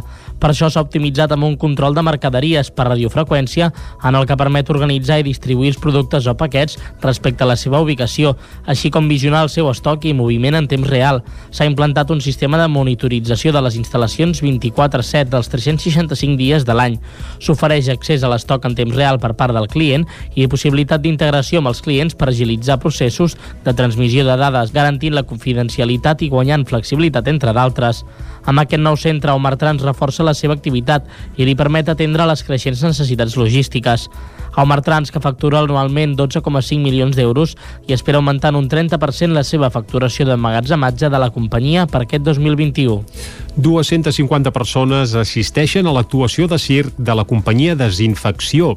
L'actuació, que porta per nom Com la vida, es va dur a terme al Parc de Can Rius de Caldes de Montbui aquest passat dissabte. Caral Campàs, des d'Ona Codinenca. 10 artistes de diversos pobles del Vallès com Vigues, Caldes, Montmeló o Canovelles s'han unit a la companyia Desinfecció en un moment on tant l'administració com els protocols dificulten les expressions culturals per crear l'espectacle com la vida. Aquest cap de setmana van actuar a Caldes davant d'un públic intergeneracional de 250 persones que va exaurir entrades una setmana abans de l'actuació. Cada artista portava el seu granet de sorra en aquest show multidisciplinari sobre la Covid-19 que combina música, teatre, dansa, performance i circ. L'actuació respon a un estil de cabaret on partint d'un equip de desinfecció es van lligant gags i números de circ. El fil conductor de l'espectacle és la música en directe de la mà de la rateta ja no escombra l'escaleta i Marta Shanti a la guitarra. Sentim-los. I és per això que ara sóc aquí, per dir-vos a la cara que no em penso rendir, que ja ho sé que tot està molt podrit, però sabeu què? Que estem vius! Jo el que vull és cantar, jo el que vull és cantar, jo el que vull és cantar viure de l'art. Jo el que vull és cantar, jo el que vull és cantar, jo el que vull és cantar i viure de l'art. L'actuació vol transmetre les ganes de canviar la situació de pandèmia i incomoditat sobre com s'està gestionant tot intercalant moments de tensió amb estones més disteses i rialleres. Des del grup expliquen que a través de l'espectacle també volen reivindicar la necessitat que hi hagi art al carrer i les arts escèniques com a eina de transformació social. I fins aquí el butlletí informatiu de les 10 del matí que us hem ofert amb les veus de Clàudia Dinarès, David Auladell, Caral Campàs i Isaac Muntades. I ara, abans d'anar cap a l'entrevista, avui perquè estem d'aniversari, ja ho hem explicat, 90 anys del cremallera de Núria, d'això conversarem a l'entrevista. El que farem és una altra ullada a la situació meteorològica. Per tant, de seguida saludem altra vegada el Pep Acosta.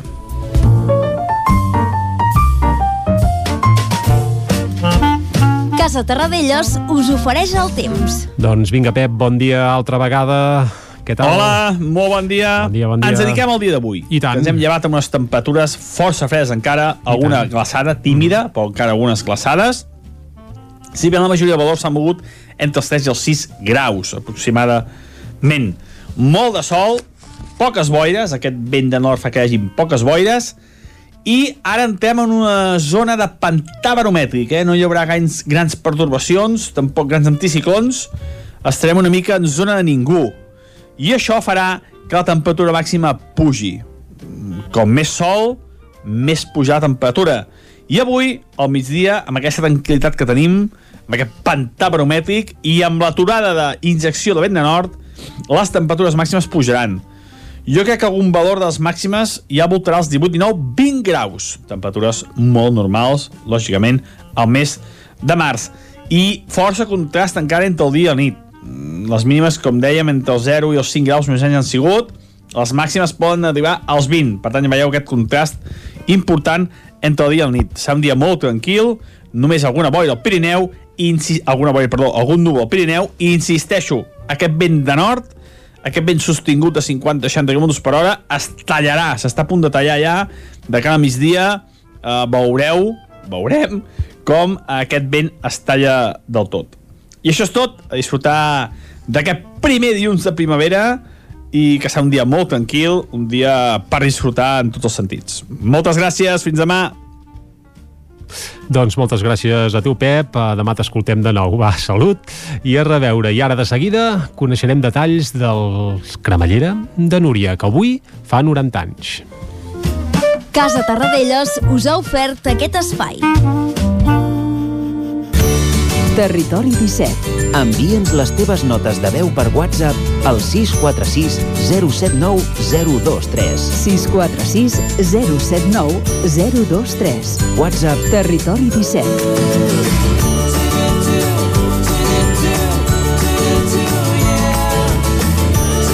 Territori 17. Som a Facebook, Twitter i Instagram amb l'usuari Territori 17.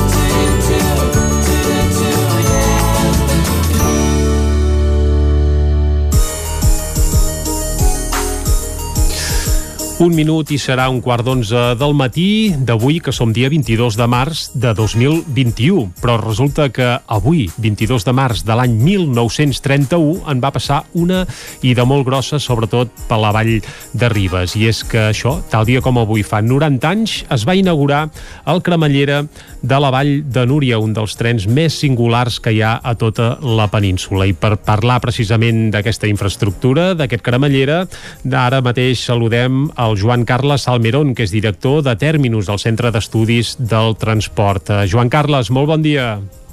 Bon dia. Uh, com és que fa ara mateix 90 anys es va decidir fer un cremallera com el de Núria?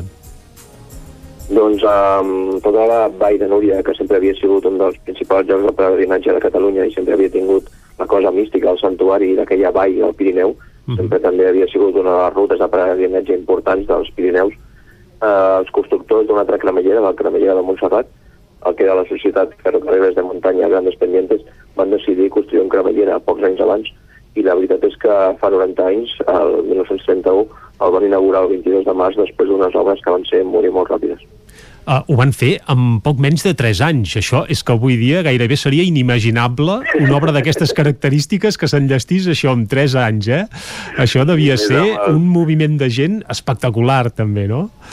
Més amb els mitjans de l'època, que es pot dir que gairebé es feia tot a pic i pala, i mm. més amb un clima com el de Núria i unes dificultats com van ser els hiverns que van ser molt durs del 1929 i 1930. Però sí, sí, en comparació amb els temps actuals i la tecnologia actual va ser una proesa fer-ho en només 3 anys. Bé, uh, només cal que parlem de la R3, que per arreglar un túnel ja porten més d'un any i bé, i tot un cremallera com el de Núria en 3 anys ho van enllestir. A més, era una obra molt ambiciosa, perquè clar, no estem parlant d'un terreny fàcil, precisament. Gens, i a més hem de comptar amb tota la tecnologia que representa un ferrocarril de cremallera. Un ferrocarril de cremallera n'hi ha molt pocs arreu del món, i són uns ferrocarrils que són l'excel·lència tecnològica, que són uns, uns ferrocarrils que tenen unes connotacions de seguretat i de tecnologia molt més complicades. Fins i tot els podíem equiparar als trens actuals d'alta velocitat o altres mitjans de transport que són molt, molt de dificultats de manteniment, de dificultats de condicions de seguretat. I també en la seva construcció, obvi. I és molt, molt curiós que, que en només 3 anys fessin un ferrocarril amb unes condicions de muntanya i no només unes condicions de muntanya, sinó també amb tots els condicionals de seguretat i, de construcció que requereix un ferrocarril amb una excel·lència tecnològica com és el cremeller. Uh -huh. I a més, tot i que l'obra es va fer uh, fa ja gairebé un segle, fa 90 anys, uh, es va fer amb poc impacte ambiental, eh? un terme que no sé si en l'època es feia servir, però és evident que el cremallera es va integrar i molt bé en tot el paisatge i tota la vall de Núria.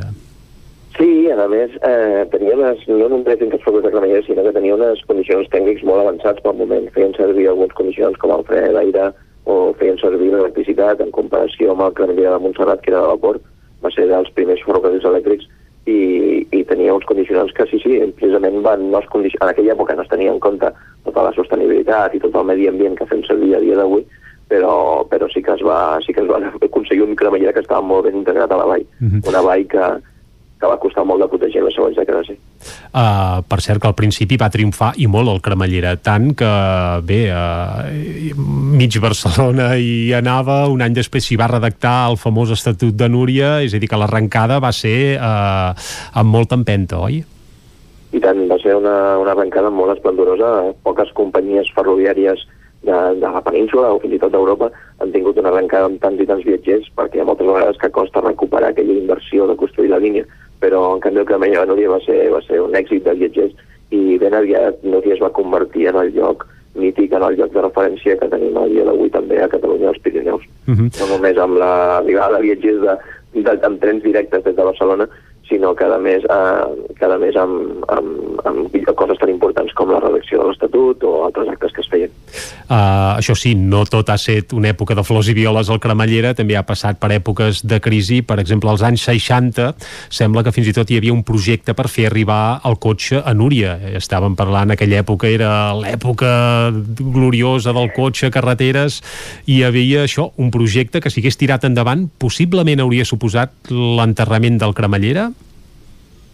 Sí, i es va, es va ser un projecte que a més va seguir en els següents anys. Va començar als anys 60 i es va anar prosseguint amb els projectes de diferents carreteres fins als anys 80. Fins i tot quan ha arribat la democràcia, eh, la impuls de la indústria de i del cotxe per arribar a tot arreu ens va estar a punt de fer cometre un crim tan gran com, com pervertir Núria amb l'arribada de l'automòbil. I, i amb el, va ser un projecte que es va arribar a fer i a, a tirar endavant fins anys 70 i més ben dit, una part de la carretera es va arribar a construir fins a, fins a Fontalba. Es pot dir que la carretera fins a Núria s'havia construït el 50%, ja només quedava l'altra meitat per arribar al santuari. Però també és quan més perill corria el cremallera, que va ser als anys 80, va ser quan van haver-hi canvis que van ajudar que aquesta carretera no es construís i que es mantingués el cremallera. Ara que ens situes fins als anys 80, crec que va ser l'any 1984 que el Cremallera es va integrar a ferrocarrils de la Generalitat, diguem que va passar a ser de titularitat eh, de la Generalitat. Això va suposar el salvament definitiu del Cremallera? Sí, va ser a partir de 1981, quan la vall havia patit unes inundacions bastant greus que dificultaven molt que l'empresa privada que havia construït el cremallera seguís amb la seva activitat.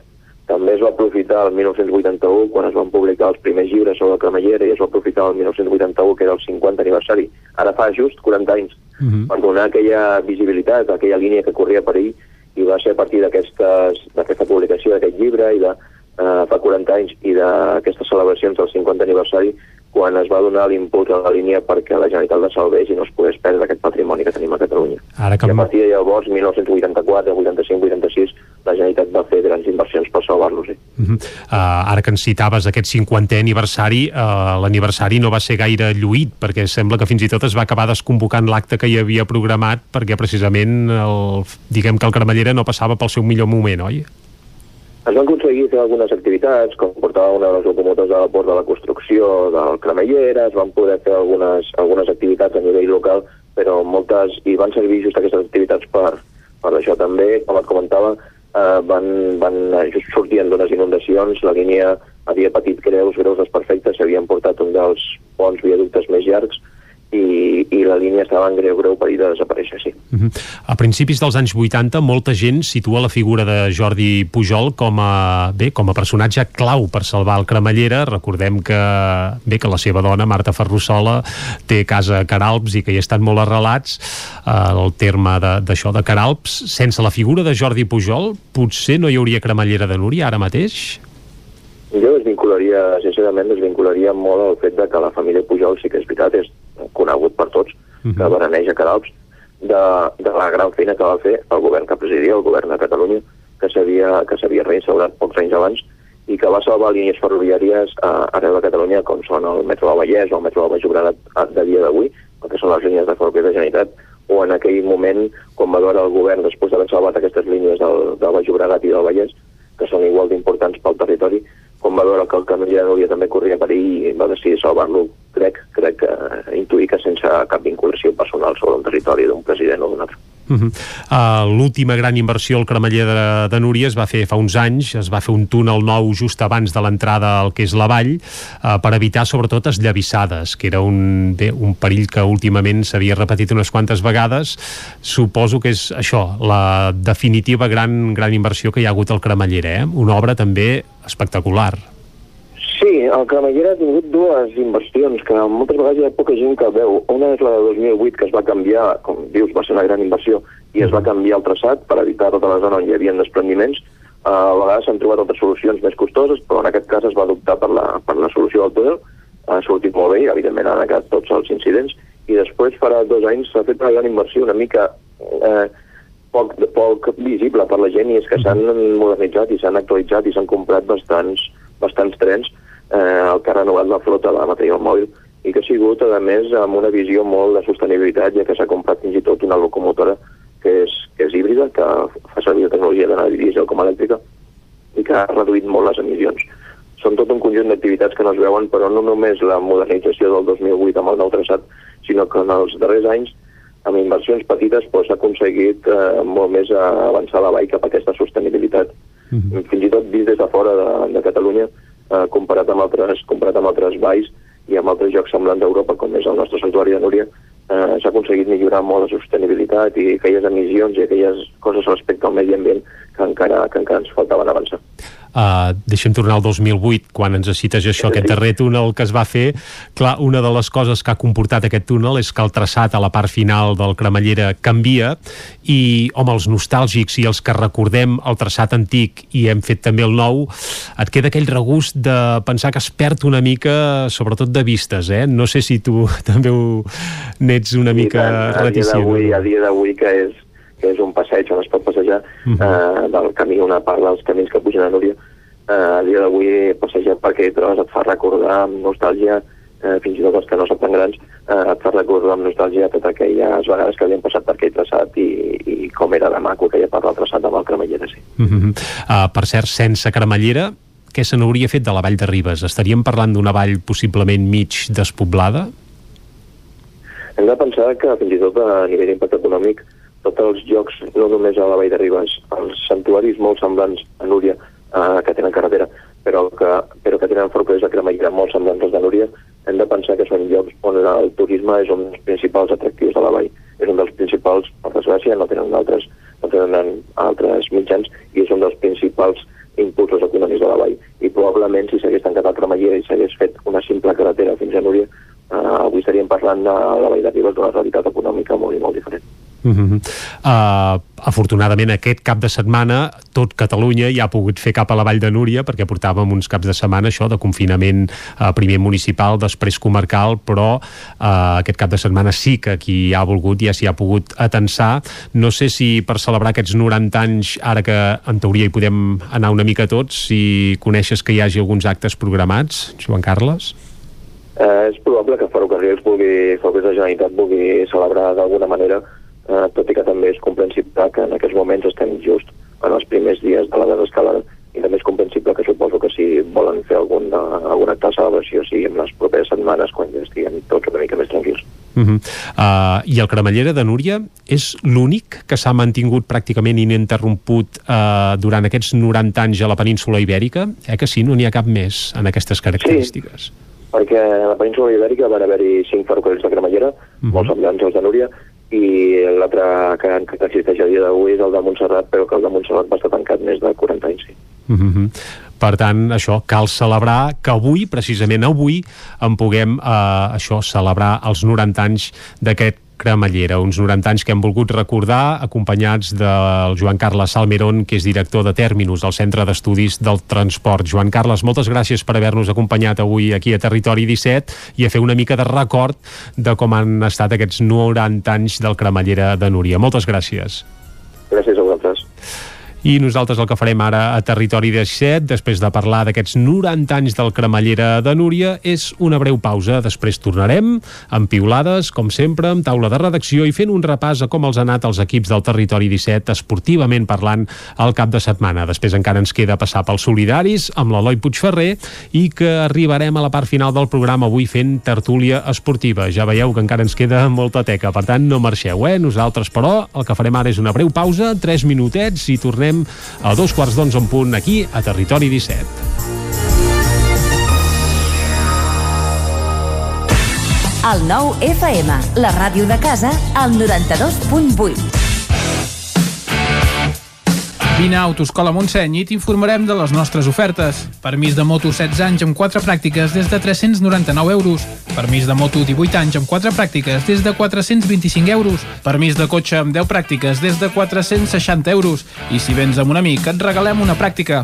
Per més informació, Autoscola Montseny, a la Rambla de Vallades 13, primer segona de Vic, al telèfon 93 885 45 88 i també a Facebook i Instagram. Autoscola Montseny us desitja un bon mercat del ram. Cobertes serveis funeraris. Els nostres tanatoris estan ubicats en els nuclis urbans més poblats de la comarca d'Osona per oferir un millor servei. Tanatori de Vic, Tanatori de Manlleu, Tanatori de Centelles i Tanatori de Roda de Ter. Sabem que són moments difícils i per això el nostre compromís és atendre-us en tot moment amb un tracte humà, sensible i respectuós. Cobertes serveis funeraris. Telèfon 24 hores 93 883 23 46. El nou FM. Cocodril Club. Si t'agrada la bona música dels anys 60, 70 i 80, escolta el 9 FM als matins de dissabtes i diumenges d'11 a 1. És el temps del Cocodril Club, tot un clàssic de la ràdio, amb les bases del pop-rock, les llegendes, les cançons que s'han convertit en autèntics himnes. Recorda, dissabtes i diumenges al matí, d'11 a 1, al 9 FM 92.8. Cocodril Club, el programa revival de l'Albert Malla. Hasta luego, cocodrilo. Passema, comercial de maquinària i utillatges amb més de 50 anys al vostre servei. Visiteu la nostra botiga i trobareu productes de gran qualitat. Passema, som al polígon Sot dels Pradals, al carrer Cervera 10 de Vic. Telèfon 93 885 32 51. Passema us desitja un bon mercat del ram. A Vic, T52, un taller d'emocions. Una celebració, un reconeixement, un record, la victòria, el premi. Tenim una solució personalitzada per a cada ocasió. Ens trobaràs al centre, al carrer 941 i també a l'Horta Vermella, al carrer Menéndez Pelayo 31. Més informació a t52.cat. Quin valor té l'aigua per tu? Per beure, per dutxar-me, per cuinar, per fer energia, per regar l'hortet, perquè baixin ben plens els rius, per fer bombolles, per banyar-me al mar, per refrescar-me, per tenir uns boscos preciosos. L'aigua és vida i ens dona vida, i sense aigua no hi ha res. 22 de març, Dia Mundial de l'Aigua. Donem-li el valor que es mereix. Aigües Vic, el valor de l'aigua. El nou FM, el nou FM, el nou FM, el nou FM, el nou FM. Territori 17. Dos quarts d'onze en punt del matí, seguim en directe a Territori 17 i ara el que ens toca és repassar, com fem cada dia a aquesta hora, piulades. Per això saludem a l'Isaac Moreno. Isaac, bon dia. I bona hora. Com ho tenim això? Ha anat gaire carregat al Twitter aquest cap de setmana? Sí, poc o molt sempre hi ha cosetes. La gent mentre voltava també feia tuits, eh? Sí, exacte. Val, perquè hi ha hagut molts vols aquest cap de setmana. Molta gent que ha escampat la boira. Oh, i tant, com sí. Mm -hmm. uh, en Joan Garcia, des de Sant Joan, feia una prèvia, però, eh? Ah, aviam. Divendres piolava. Diu, les expressions anar a Ikea i anar a la idea tenen estructures quasi calcades, però conceptualment no poden estar més allunyades. Ell va anar a l'IKEA. I... No, no, no sé si va, va anar. Vai. Li haurem de demanar. Bé, bé. Pep Polets, eh, dissabte hi havia capta de sang a roda d'una sang tan simple i tan important i que comparteix l'imatge d'ell amb el braç estirat i l'agulla clavada. I tant que sí, doncs molt ben fet, Pep, que s'encomani. Des de Manlleu, Antoni Rubia diu Papa, ara diria una paraulota. El racista és un imbècil. La paraula és pobra, filla meva, però és prou justa. Zahar Ben Jelom, el racisme explicat a la meva filla, i la lluita és a fora i dins d'un mateix. Doncs era una cita que, que compartia en Rubia aquest cap de setmana. Molt bé. Abel Paraire diu 3 sota 0. Aquí ara no ens poteix el fred. Pensament amb els companys i companyes de la fruita que s'han passat la nit en vella per salvar la seva collita. Tot el suport des del Soler de Nuc, a Prats. Sí, la nit ha estat freda, ens ho ha comentat el Pep Acosta, i pot haver afectat alguns fruiters, sobretot del camp de Lleida. Però vaja, tant de bo no sigui així. Carles Mundó, exconseller de Justícia, diu Salvador Illa encara continua dient que es presentarà a la investidura. Segur que ja sap que això depèn del fet que tingui prou suports i si no ho sap, millor que revisi l'article 4.2 de la llei 13 barra 2008 de la presidència i deixi de confondre. Doncs, doncs guaita, feina Deures. per l'illa. Deures per l'illa. De part del Mundó, està bé. Marc Pujalte del Voltregà diu hem tingut que suar per guanyar a un equip que no es mereix estar on és a la classificació. Felicitats amics i un altre doblet d'Arnau Canal torna a marcar. De Bosch, Gerard Teixidor, el Diamant en Brut, Gerard Rovira i en Marc Palazón. En fi, que Voltregà tornava content de que la Fella en va guanyar per 3 a 5. El Tanica li censurarem per això. Sí, eh? deixem per un altre dia. Hem de, però vaja, sí, deixem-ho per un altre dia.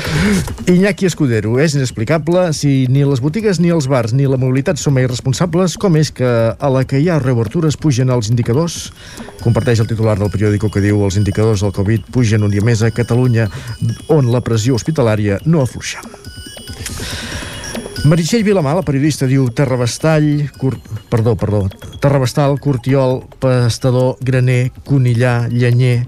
Quants racons i quanta riquesa lingüística ens deixem de perdre cada cop que abandonem una casa de pagès? Mm. Doncs sí. Val, eren noms de cases de pagès abandonades, els que ens citava la Txell, eh? O, para, o, o paraules de pagès, pròpiament dites. En fi, més qüestions, més piulades. Uh, Gemma Permanyer, des de Sant Feliu de Codines. No sé de qui és competència, però algú s'hauria de mirar seriosament això dels cotxes a tot drap per la carretera de Sant Miquel del Fai, un espai mític del passeig i esport on ara fa por passejar-hi i fer esport. Doncs mira, denúncia feta, algú li diu que, que té tota la raó. I Sant Miquel del Fai, en vam parlar fa uns dies, fins d'aquí un any sembla que no serà pas accessible, si més no convencionalment, pel camí habitual. Però vaja, I, el, i l'Enric Xicoia i seguia la gala dels Premis Gaudí. Diu, curiós, Rosa Maria Sardà va demanar que no aparegués en el record dels Premis Gaudí però almenys ja l'han mencionat dos cops durant la gala recordant que no hi volia aparèixer. Total, que parla, se n'ha parla, que se n'ha parlat més d'ella que d'altres. Bravo, doncs sí, mira i el deixaríem aquí, si et sembla el repàs a les piolades Em sembla avui. perfecte. Per tant, ara el que farem és una ullada a les portades del 99.cat. Què diuen en aquests moments? Vallès Oriental, l'acabem de carregar, se'ns il·luminarà la pantalla de color verd. Diu cues de fins 9 km a la 17 en la primera operació tornada en un any. Disseny de la Garriga per al rescat de tortugues a Lampedusa. Roben el violí del director de l'Orquestra de Cambra de Granollers en un viatge en tren des de Barcelona i uns 70 marxants del Mercat de Granollers demanen la suspensió temporal de la llicència. I anem ara al 99.cat, Osona i el Ripollès, que diu... No pots deixar el, el violí descuidat, eh, quan vas en tren, ja ho veus. Sí, i menys un violí de, escolta, que era del 1829, crec. Per tant, una peça, una autèntica obra d'art gairebé. Home, no, no era un Stradivarius, però segurament s'hi devia costar. No Va, sé doncs- si el lladre ho sabia, això, però vaja. Bueno, les dades d'Osona empitjoren des de, després de mesos d'estancament. Era un dels titulars que podem llegir al 99.cat. Cues quilomètriques l'entrada de Ripoll per la C-17. Això era dissabte i Torelló exhumarà la fossa d'un altre soldat de la Guerra Civil, el de Seneiàs. Isaac, moltes gràcies per Vaja, aquest repàs. dia. doncs vinga, tanquem el repàs, anirem de seguida cap a la taula de redacció.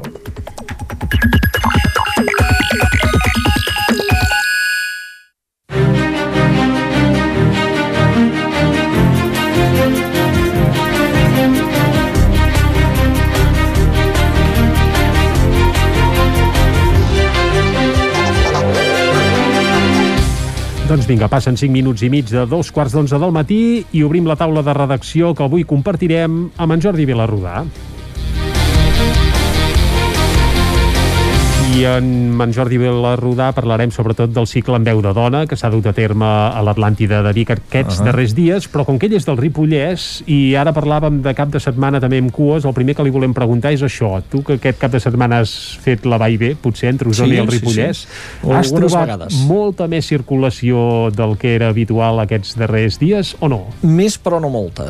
Uh, O sigui, sí que es notava l'incidència de més trànsit, però no un accés, no una allau. O sigui, àrees d'autocaravanes, per exemple, també amb alguna més de...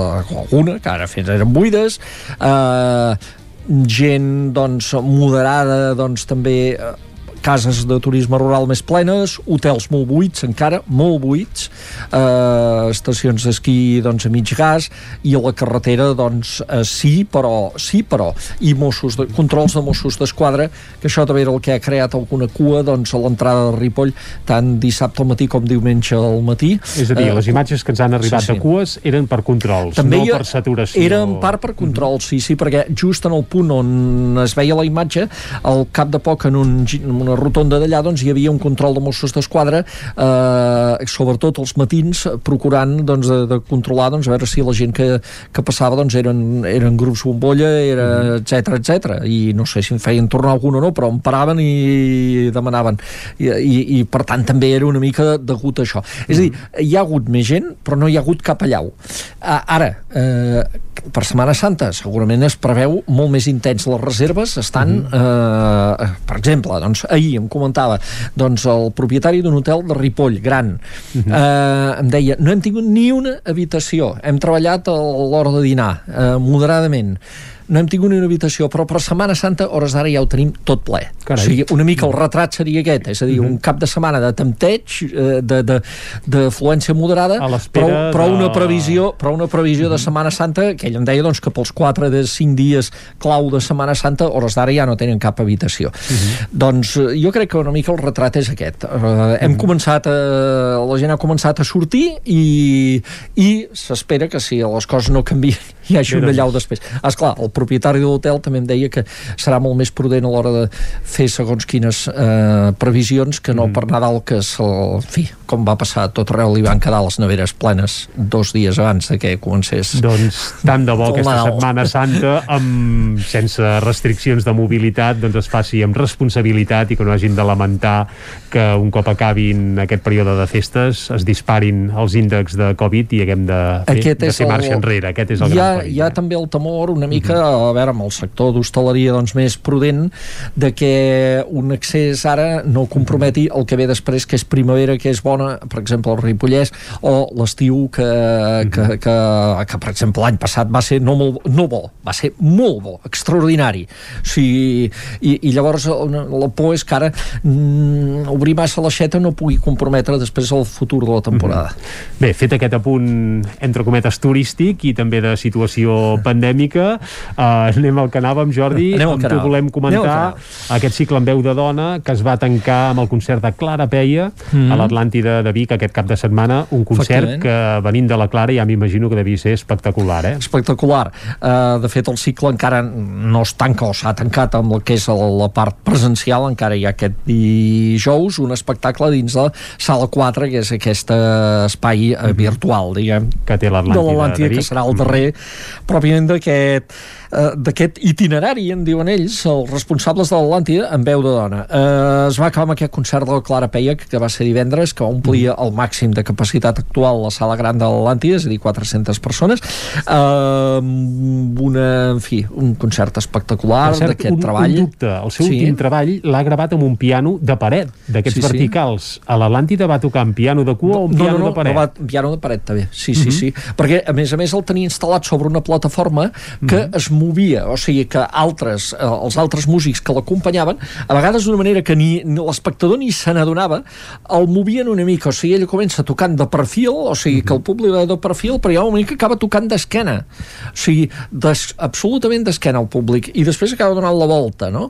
I, i, i el movien amb, amb rodes, per tant, era, era un, un piano relativament lleuger, perquè es podia, dos músics l'agafaven i, I el, el movien una mica amb, amb les rodes, uh -huh. i, i, i tenia, per tant, aquesta mateixa sonoritat que, que, que té en el disc. Uh -huh. I va ser un concert extraordinari de presentació d'aquest treball perifèria, perifèria mm, que vol dir eh, moltes coses, la perifèria del, no només geogràfica sinó social del, del nostre món, de la nostra societat. Ell em ho va explicar en, alguns, en algun parlament que va fer, és a dir, és un treball Clara Peia treballa i actua molt des de, des de l'emoció, de transmetre emoció, l'emoció que amb ella se li nota tocant, mm. però que a la vegada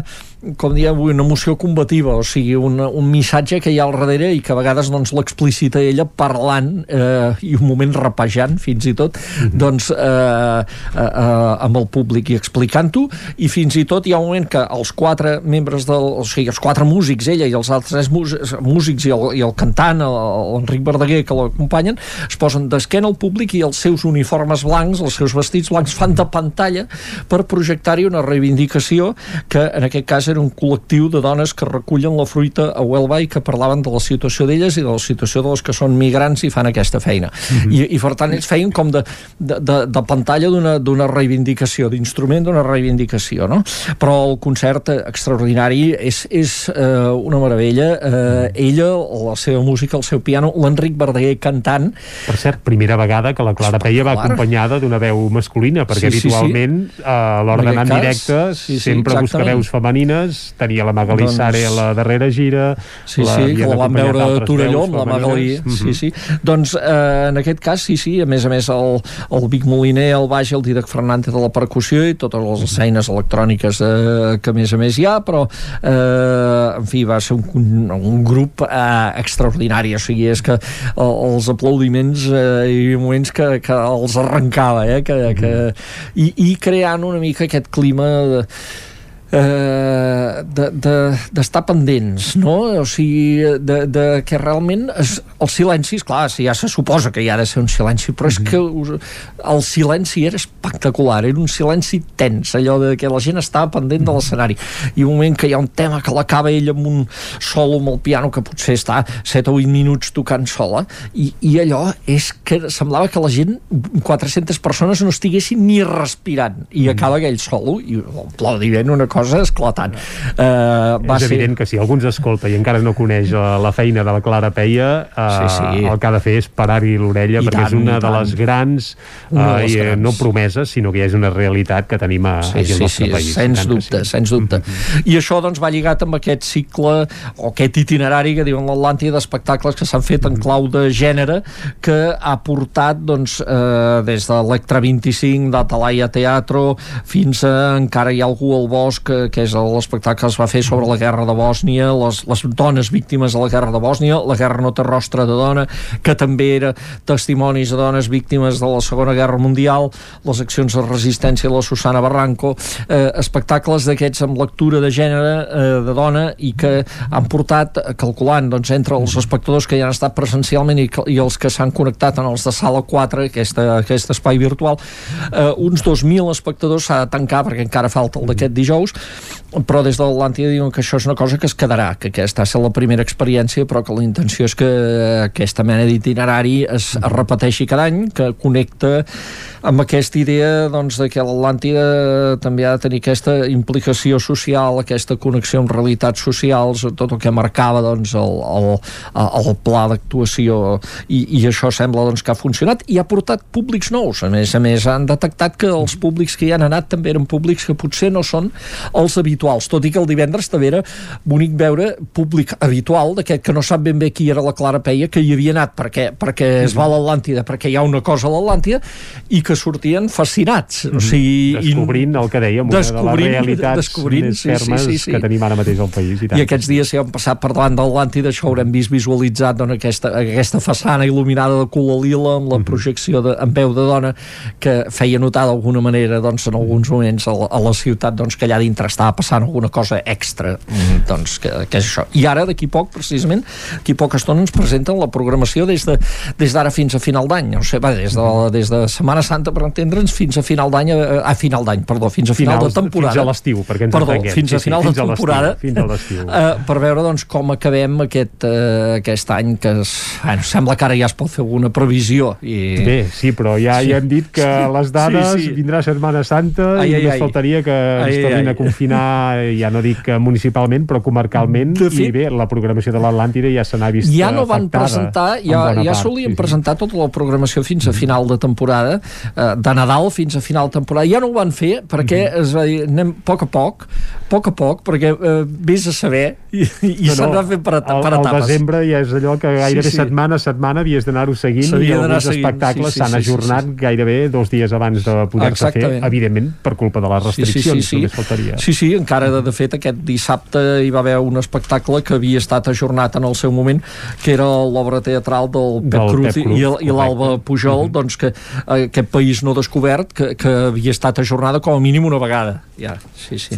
Jordi, moltes gràcies per passar avui per Territori bé. 17 i en tot cas, eh, quan es presenti la nova programació de l'Atlàntida ens tornem a visitar En i ens en fa 5 cèntims. Exactament. Sí? Doncs amb en Jordi Vilarrodà tanquem avui la taula de redacció. De seguida anem a parlar d'esports.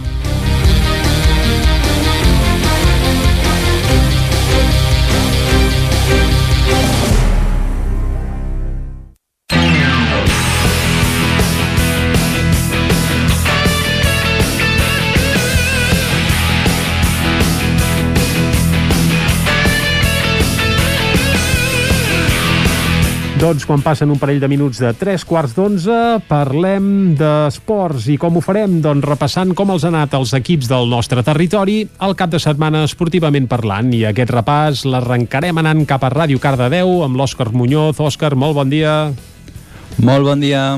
Primer cap de setmana amb públic Amb als públic. pavellons, amb públic als camps de futbol i més enllà dels resultats, suposo que la gran notícia és aquesta, que el públic ha tornat als camps. Això és una molt bona notícia, tant de bo no s'hagi de fer marxa enrere i puguem acabar la temporada així i suposo que, Òscar, dels partits dels quals ens parlaràs han set tots ja amb presència de públic, oi? En presència de públic, exactament. Doncs vinga, I per on ho arrenquem, comencem, això? Exacte, comencem el repàs esportiu amb l'handbol femení, aquí a Cardedeu, on les sèniors del Cardedeu van perdre els dos partits del cap de setmana contra les franqueses, que són les segones classificades. El primer partit fora de casa van perdre per 38 a 20 i a casa per 22 a 35. A casa les cardedeuenques van disputar un molt bon partit, però no va ser suficient per superar l'equip, com les franqueses, que va proposar un, un nivell de ritme molt intens durant tot el partit. Ara ens anem de l'handbol al futbol, on el filial tampoc li ha anat massa bé. Després d'uns mesos d'aturada de les competicions, doncs això, el filial de tercera catalana tornava a la competició. Un equip dirigit per Kiko Sánchez eh, va viatjar per enfrontar-se al Montornès Nord dissabte a les 5 i va perdre per 3 a 0. el filial que situen els últims de la tercera catalana amb 0 punts, una lliga encapçalada pel Sant Celoni amb tots els partits guanyats, o sigui, 9 punts. I de. Cardedeu, de Cardedeu ens anem a Granollers, on l'Esport Club va tenir un partit de bojos diumenge en un dels camps més complicats del grup 5B, que és el del Girona B. I això, l'equip granollerí doncs, va capgirar el duet que perdia per 3 a 0 a l'inici de la segona part amb un triplet èpic de l'Albert Ruiz, que va servir per tancar el partit 3 a 3 i doncs, van sumar un punt que els hi doncs, molt de joc, ja que els serveix per mantenir-se encara aquesta tercera posició de, de la Lliga del grup 5B. I l'últim duel dels granollerins serà el diumenge contra el Gramenet al camp del carrer Girona d'aquí a Granollers. I per Fantàstic. acabar, Uh -huh. acabem amb el ranking, que no, no podem portar cap resultat, ja que el partit de Lliga doncs, que jugava el Franking contra la de Mar de León, allà a León, eh, no es va poder disputar, segons informa el club de Lleó, eh, va confirmar doncs, 5 casos positius per Covid a la plantilla.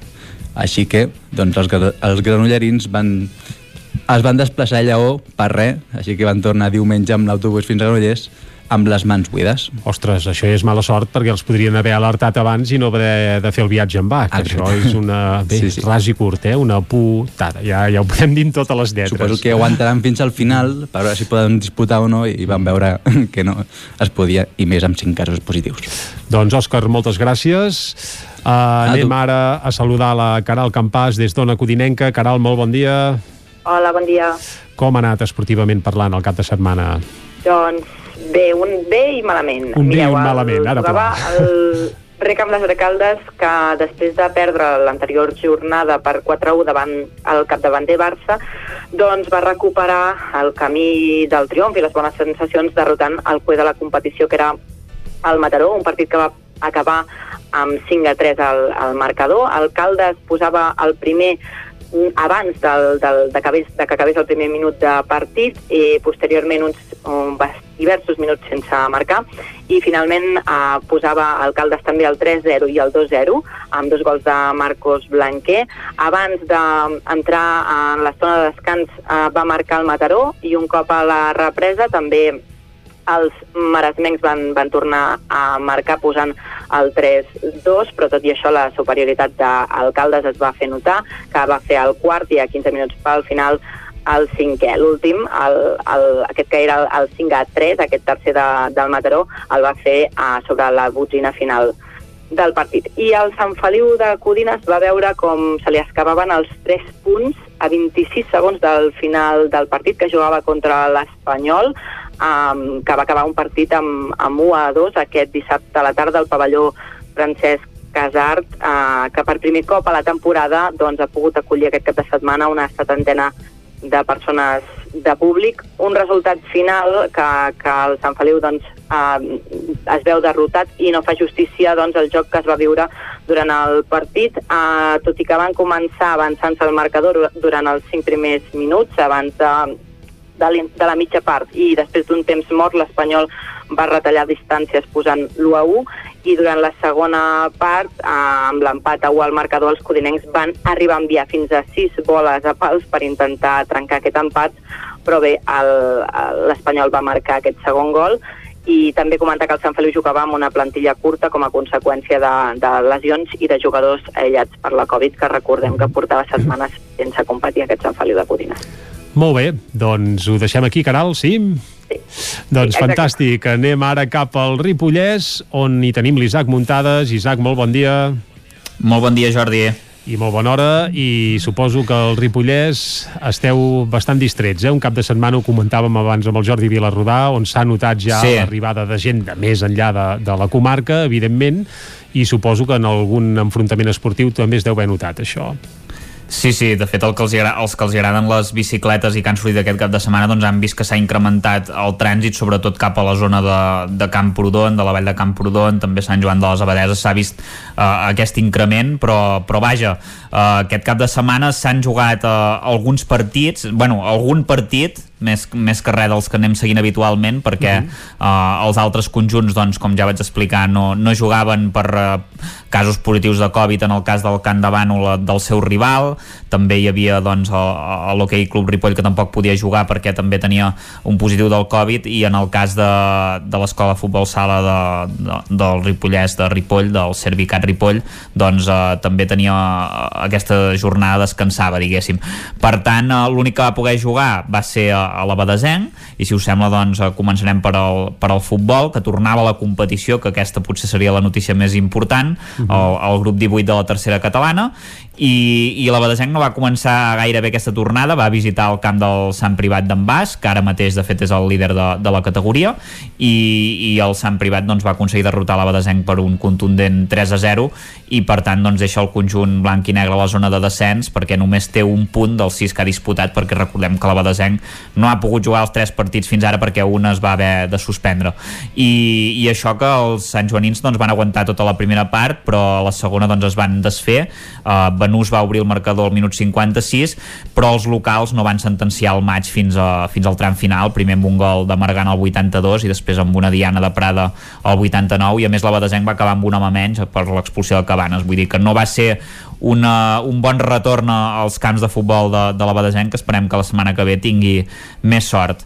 I, i abans parlava de, de ciclisme també i, i penso que és important explicar-ho. Aquesta setmana doncs comença uh, l'edició del centenari de la Volta Ciclista De la a Catalunya. Volta, i correcte. exacte i evidentment el Ripollès doncs, serà un de, una de les comarques protagonistes perquè eh, doncs, hi tenim un dels, dels finals d'etapa d'aquesta volta que comença avui a Calella i que s'acaba doncs, diumenge que ve eh, a Barcelona amb set etapes. I la tercera i la quarta passaran per, a, per al Ripollès.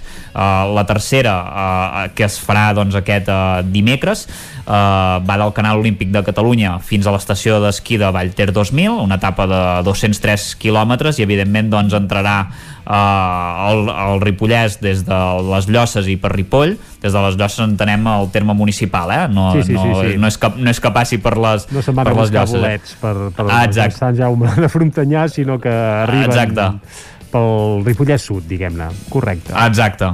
I després doncs, de, de Ripoll doncs, ja passaran cap a Sant Joan de les Abadeses i, i Camprodon fins a, fins a doncs, arribar a l'estació d'esquí que pertany al terme municipal de Set Cases i que ja sabeu que eh, és un port de categoria especial, per tant un final d'etapa amb, amb una sola... Sí, sí, és, de fet és l'única l'únic port de muntanya d'aquesta jornada, però clar, és un port especial i és un final anal, per tant serà complicat. Només de pensar-hi ja em fa mal les cames, el cul i tot plegat, per tant, eh, Exacte. Bé, que no sigui res pels que ho han de pujar en bicicleta. Tu, Isaac, sé que ho has Exacte. pujat alguna vegada, em sembla, eh?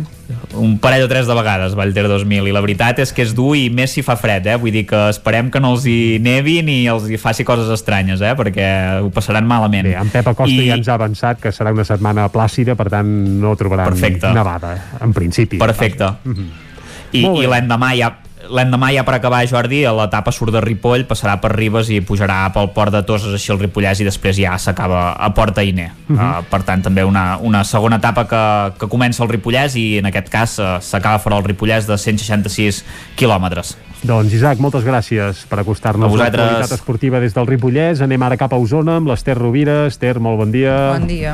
Un cap de setmana marcat sobretot per la presència de públic als estadis i als pavellons i sobretot als camps de futbol. Eh, jo que n'he tastat un parell aquest cap de setmana amb un solet que feia molt agradable, s'ha vist molta gent, eh? La gent en tenia ganes. Recordem que eh, les competicions eh, com el futbol que van començar, o, o fins i tot l'hoquei, eh, que van començar a finals de setembre, principis d'octubre, per exemple l'hoquei a finals de setembre, el futbol a, a principis d'octubre, encara ho van poder fer en públic amb un Sí, al 30% principi de sí. l'aforament, però per exemple hi va haver el derbi de futbol eh, al camp del Vic, eh, un Vic Manlleu que va plegar doncs, moltíssima gent encara, tothom mantenint les distàncies, però amb molta gent, i llavors doncs, a finals de d'octubre va entrar en vigor el confinament municipal de cap de setmana i amb ell també es va prohibir l'entrada de públic als camps, per tant han estat 5 mesos Sense públic. sense Mhm. poder-n'hi sense poder-n'hi haver, tot i que n'hi va haver molt poques jornades, perquè ja veníem de, doncs, que des del març no es competia, vull dir, va ser molt, molt, un espai molt petit de temps després de l'estiu, um, el que sí que n'hi va poder haver i per tant n'hi havia moltes ganes, i si a sobre coincideix en aquesta època de l'any que també ja és la que n'hi ha més habitualment, perquè eh, tots sabem que que tant els pavellons com els camps són llocs gèlids. Uh, Sobretot els a les nostres contrades, Sí, sí, sí. en alguns moments de l'hivern, uh, no és el mateix anar-hi al desembre o al gener que anar-hi ara cert. que comença a fer bo, per tant la gent en tenia ganes i la prova és que tot i que s'ha de fer una sol·licitud prèvia um, i amb seient presignat uh, doncs en, en la majoria de, de casos uh, els camps i els pavellons s'omplen i això vol dir que la gent tenia ganes de tornar a veure esport en directe i sobretot l'esport de casa nostra que en el fons també és el que, el que ens queda més a prop i el I que tant. coneixem més els esportistes no? Doncs va, la primera notícia és que ha tornat el públic a l'escenari, anem per la segona, que és conèixer com ha anat eh, esportivament parlant, pel que fa a resultats, el cap de setmana. Exacte, si et sembla comencem amb, amb l'hoquei. Uh, aquest cap de setmana no jugava el Vic perquè s'havia d'enfrontar a, a l'Igualada i l'Igualada sortia de just de fer una quarantena i per tant no havia tingut temps pràcticament d'entrenar i això ja ha passat altres vegades que s'acorda doncs, ajornar-lo uh, perquè tinguin temps de posar-se a to després d'haver estat 10 dies sense treballar per positius de, de coronavirus uh, i ho feien el Taradell i el Voltregà.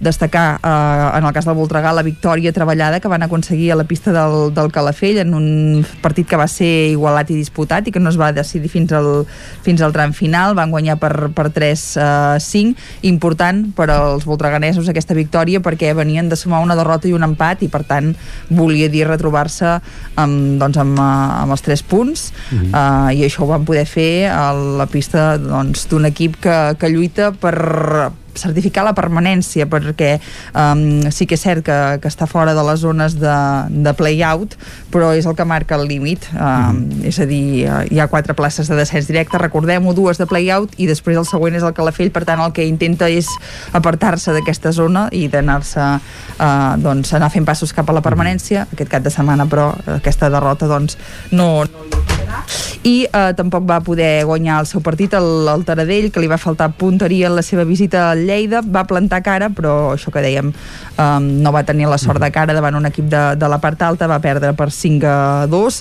i en el cas de, del Taradell sí que, que continuen doncs, eh, en zona de, de descens directe. Ara mateix, sí que hi ha molta igualtat en aquesta part de la taula, això també ho hem de dir però ara mateix el Taradell seria el primer equip que baixaria perquè és 13 amb 22 punts. Molt bé. en el cas de l'hoquei Lliga Plata, el Manlleu eh, va empatar a un a la pista del Liceu B, però hem de dir que continua líder del grup nord eh, perquè doncs, els seus rivals a la part alta, com són el Sant Just i el Vilafranca, que també ju eh, jugaven a Galícia com ells i és un desplaçament que es demostra que no funciona, no va bé a ningú, perquè tots tres eh, Van punxar. els altres dos van punxar i el Manlleu va treure, va treure un empat i va ser um, sobretot perquè davant es va trobar un porter que és el, normalment el porter suplent però que es veu que habitualment ja entrena amb el primer equip del, del Liceu que va ser totalment un, un mur sota pals i el partit va ser un atac i gol constant del Manlleu a la porteria però només va ser capaç de fer un gol de Vial Pujades Mhm. que a més a més després va ser neutralitzat amb un penal uh, per als gallecs uh, per tant els punts es van escapar però perquè um, com passa tan sovint en l'hoquei el porter va ser Va determinant fer i en aquest exhibició. cas va fer una exhibició va fer el seu partit de l'any que segurament doncs n'està molt content Ràpidament. en el cas del futbol, sí, ràpid futbol. teníem el derbi aquest cap de setmana un nou derbi a la primera catalana entre el Tuna i el Manlleu un partit um, que es van emportar els, els tonencs uh, el primer derbi que, que guanyen uh, perquè van marcar un gol de penal i després doncs, van saber jugar amb el marcador a, a favor i anul·lar els davanters locals sense massa més història el partit uh, com, com va anar. I en el cas de, del Vic jugava a casa, rebia el Lloret uh, mal partit i un empat fluix uh, a un gol, mentre que el Vic Riu primer uh, visitava el Palamós, primera vegada que visitava el camp del, del Degà de, de Catalunya i a causa d'un mal inici també va perdre per 2 a, a 0 i acabem just amb un apunt de bàsquet per explicar que el Vic, uh, Club Bàsquet Vic va poder recuperar les bones sensacions, va tornar a guanyar aquest cap de setmana per 76 a 55 amb el Roser, uh, el dia que al final del partit es va fer un acte d'homenatge a Juli Garrote, l'etern capità del club, perquè aquest any uh, doncs, ha decidit retirar-se. Ja ho volia fer l'any passat, però la pandèmia uh, el va fer decidir-se a poder acabar una temporada jugant i no tancat a casa com, com va ser la passada. Esther, moltes gràcies. Que vagi bé.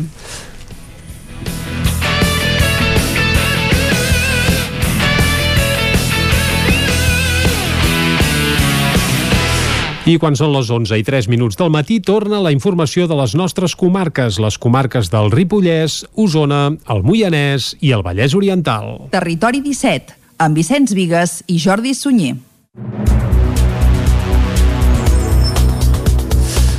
La fi del confinament comarcal que permet els desplaçaments per tot Catalunya en grups bombolla i la reobertura del comerç no essencial en cap de setmana es van notar i molt aquest dissabte al matí a Vic. Després de gairebé 3 mesos, dissabte els comerços no essencials podien obrir en cap de setmana. No ho feien des del 7 de gener i també s'incorporaven al mercat setmanal parades de sectors no essencials. L'increment de visitants dissabte al matí era evident a la plaça Major. Hi va haver comerços que van treballar de valent i d'altres no tant. Sentim Maria Dolors Puntí, de la botiga Estret número 6, Uh, Maria Lluïsa Carmona, paradista al mercat, i Ima Fageda, de l'establiment i Mart. molta gent, molta feina i la gent amb ganes de comprar, que ja tocava. Vull dir, ja és una cosa que tocava i han vingut clientes de fora, de Manresa, de- d'Olot, que tenien ganes de baixar aquí a Vic i de comprar. Clar, tampoc és igual la gent que ve un dilluns o un dimarts que molta més gent que ve un dissabte o diumenge i tenen més ganes de sortir, la gent té moltes ganes, no seria de gastar, perquè és el que jo dic, de venda jo no n'he vist molta, però de gent sí. Ens ha afectat moltíssim. Pensa que nosaltres haguéssim pogut agafar pues, moltes més, molta més feina i l'hem tingut que deixar de tenir, ens hem tingut que mantenir. Però al tenir tants anys a darrere hem pogut aguantar això, saps? Però si haguéssim set gent no- nova que començàvem, no haguéssim pogut pas aguantar. Tot i el bon temps de dissabte, hi va haver qui va optar per visitar Vic i ajornar les sortides a la natura per aprofitar el primer dissabte comercial. Alicia Vilés de Vinyó i Jordi Prat de Barcelona, tot i que treballa a la capital usonenca. Aquest cap de setmana, com que aprofitant els comerços oberts el dissabte i tot, ens feia gràcia venir a fer alguna així més, més tranquil. Avui, aquest matí, és bastant diferent dels de fa uns quan... Bueno, de fa un parell de mesos que hi havia molt poca cosa i en canvi ara recupera una mica la normalitat que és molt entretingut al Mercat de Vic. A les portes de les botigues s'hi acumulaven els clients i és que l'aforament continua fixat al 30%. Els Mossos d'Esquadra detenen dos veïns de Manlleu acusats de robar a una benzinera de Taradell. Les detencions dels dos homes de 30 i 26 anys es van produir dijous. Va ser el vigilant municipal de Taradell qui pels vols de dos quarts d'una de la nit va informar als Mossos que dos homes estaven robant a la benzinera i que en veure el vigilant havien pujat ràpidament al cotxe per fugir. Diverses patrulles de Mossos i policies locals van muntar controls per detenir els presumptes autors del robatori. Van intentar aturar el vehicle al camí antic de Malla, per on circulava a gran velocitat, i finalment el van interceptar a l'eix transversal, en l'escorcoll, i van trobar 18 paquets de tabac, 510 euros i diverses eines susceptibles de ser emprades per cometre robatoris. Els dos ocupants van quedar detinguts per la seva presumpta relació amb el, amb el robatori en força. A més, el conductor va quedar investigat per un delicte contra la seguretat del trànsit per conduir un vehicle amb el carnet retirat per haver perdut tots els punts. La investigació continua oberta i no es descarta que els autors estiguin relacionats amb un intent de robatori la mateixa nit en una gasolinera de Centelles. Roben un valuós violí al director de l'Orquestra de Cambra de Granollers mentre viatjava en tren. David Auladell, de Ràdio i Televisió, Cardedeu. Uns desconeguts van robar el violí i els arcs al director de l'orquestra de cambra de Granollers, Corrado Bolsi. Els fets van tenir lloc divendres al migdia, quan Bolsi es desplaçava en tren de Granollers a Barcelona just després d'assajar amb l'orquestra. Els fets van provocar una forta reacció i una crida a recuperar l'exemplar. Es tracta d'un violí de la Bellet Villaum, fet a París el 1829 i d'un gran valor. L'Orquestra Barroca de Barcelona ha difós les dades i fotografies de l'instrument. El robatori va arribar poques hores abans d'un dels concerts més destacats de l'Orquestra de Cambra de Granollers, que ahir diumenge va tenir lloc la representació de La mort i la donzella de Schubert al Teatre Auditori de la capital del Vallès Oriental.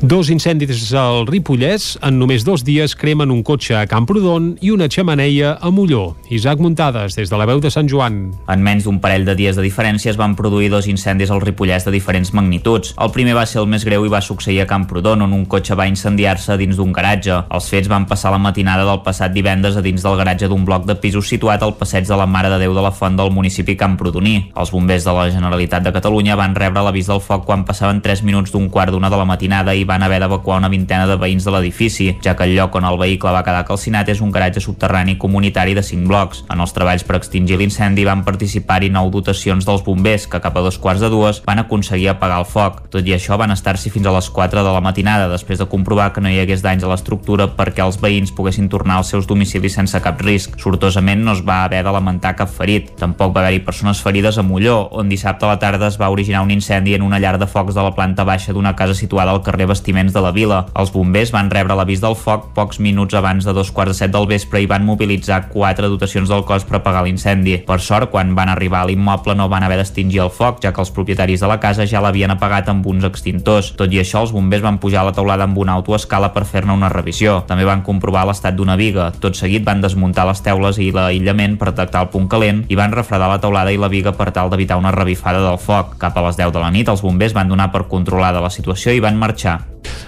La novena edició de la Fira de l'Oli de la Varietat Vera i la setena edició del Mercat del Partasà tornen a Vigues i Riells. L'esdeveniment s'havia de celebrar inicialment aquest mes de gener, però es va haver d'ajornar. Caral Campàs, des d'Ona Codinenca. Inicialment s'havia d'haver celebrat el passat mes de gener, quan l'oli ja està produït i envasat, però en aquell moment es feia inviable per les circumstàncies sanitàries i per això des del consistori van decidir posposar-la. Un seguit de 12 parades de productors d'oli i dues de pa artesà centraven la l'atenció de la plaça Miquel Bosch en el que ha sigut la primera fira presencial que s'ha fet a Catalunya aquest any. L'Ajuntament, el Consell Comarcal del Vallès Oriental i la Diputació de Barcelona van haver de valorar la millor manera d'adaptar l'espai que inicialment havia de ser al Molí del Trull. En parlava en aquest sentit Joan Galiano, alcalde de Vigues. Eh, era inviable fer-lo allà, és un espai massa petit, sí que és encantador per tot el que te comporta que tinguis allà el molí per veure com es fa tot el procediment, però el que hem fet ha sigut de traslladar-la aquí al centre del poble, una plaça molt més gran, per complir tots els espais i totes les mesures. Tot i això, des del consistori asseguraven que estan satisfets del canvi d'ubicació perquè d'aquesta manera es van poder complir amb les mesures sanitàries amb total seguretat. Estem satisfets del canvi, eh, esperem l'any que ve poder tornar al seu emplaçament habitual, però en definitiva ens hem adaptat a les circumstàncies per garantir sobretot pues, que no hi hagi cap incident i que per sobretot la seguretat de, de la gent sigui el primer. Des de les 10 del matí fins les 2 del migdia, molts bigatans i diversos visitants de pobles veïns van poder passejar entre les parades separades amb la distància corresponent i a través d'un recorregut marcat amb valles. Les parades d'oli oferien sobretot la varietat vera, que s'extreu de les oliveres del Vallès i compta amb un procés d'elaboració tradicional premsat en fred. També s'hi podien trobar la varietat arbequina i la blanqueta, entre d'altres. I fins aquí el butlletí informatiu de les 11 del matí que us hem ofert amb les veus de Clàudia Dinarès, David Auladell, Isaac Moreno, Caral Campàs i Isaac Muntades. Ara el que toca és fer una breu pausa aquí a Territori 17 i de seguida sabrem qui ens porta avui l'Eloi Puigferrer a Solidaris. Una pauseta de mig minutet i ho coneixerem. Territori 17. Envia'ns les teves notes de veu per WhatsApp al 646 079 023. 646 079 023. WhatsApp Territori 17.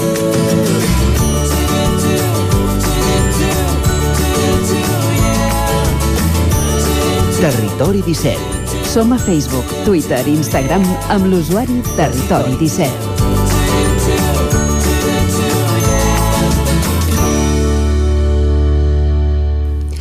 I ara sí, quan passen 11 minuts precisament de les 11 del matí, és el moment d'entrar als solidaris, com cada setmana, a aquesta hora els dilluns, amb l'Eloi Puigferrer.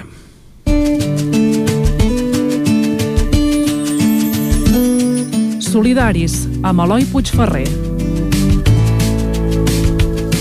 L'educació i l'ajuda humanitària són dos conceptes que, quan parlem de solidaritat, s'interrelacionen amb molta més freqüència del que molts poden pensar. Al programa Solidari ja hem conegut diferents organitzacions que centren la seva acció en formar professionals i infants arreu del món, però aquesta tipologia d'entitats no es queda ni de tros curta. Agafant el relleu d'Insol Àfrica i la Fundació Daniel Sai Núria Toneu, avui ens desplaçarem fins al Marroc, país on l'entitat Dibuixa un camí per anar a l'escola treballa des de fa ja uns anys per acostar l'educació als pobles més perduts de la serralada de l'Atlas. I és que quan es parla de llegat, l'educació és com un tresor, com una llavor que amb el pas del temps acabarà portant prosperitat a tot arreu. I aquesta idea és essencial per entendre com funciona i d'on va néixer Dibuixa un camí per anar a l'escola. Així que avui, des de Ràdio Vic i a través de l'antena de Territori 17, coneixerem aquesta entitat i en Guillem Colomer, fundador de l'organització l'any 2016. Els nostres orígens són, són de l'any 2016, un estiu que vam anar al Marroc i vam estar fent un, un trajecte per les parts més, més autèntiques i més, diguéssim, despoblades del Marroc i vam veure que hi havia un, una necessitat doncs, doncs, d'ajudar doncs, una, unes poblacions doncs, que tenien moltes mancances i a nivell, doncs, que sí, a nivell d'educació, de, de, de sanitat, és a dir, bàsicament de, de pobresa, no? de país del tercer món. I llavors, arran d'aquest viatge, nosaltres vam decidir ajudar-los d'alguna manera i va néixer Dibuixa un camí per anar a l'escola. Vam estar en uns poblats doncs, que tenien moltes dificultats els nens per poder anar a l'escola, s'havien de desplaçar molts quilòmetres per, per poder anar a l'escola que, que els hi quedava més, més a prop. Uh, a l'hivern s'afegien els problemes de, de climàtics de, de que la neu arribava i llavors es feia tot molt més pesat. I vam dir, ostres, teníem un gran amic allà doncs, que ja feia un parell d'anys que, que viatjàvem al Marroc per, per diguéssim a l'estiu per oci. I, i vam decidir amb ell i dues persones més d'aquí de, de Torelló doncs començar aquest projecte uh, i arrencar-lo d'alguna manera per tal de poder de, de poder ajudar aquesta gent doncs, que, i aquests nens que, que ara mateix uh, tenen moltes mancances. De viatges, però, sí n'hi ha una infinitat, però l'espurna solidària pot aparèixer en qualsevol lloc i en qualsevol moment. En el cas d'en Guillem, tot va venir d'un bon conegut, un noi bere-bere que els acompanyava i que els va descobrir el Marroc més autèntic.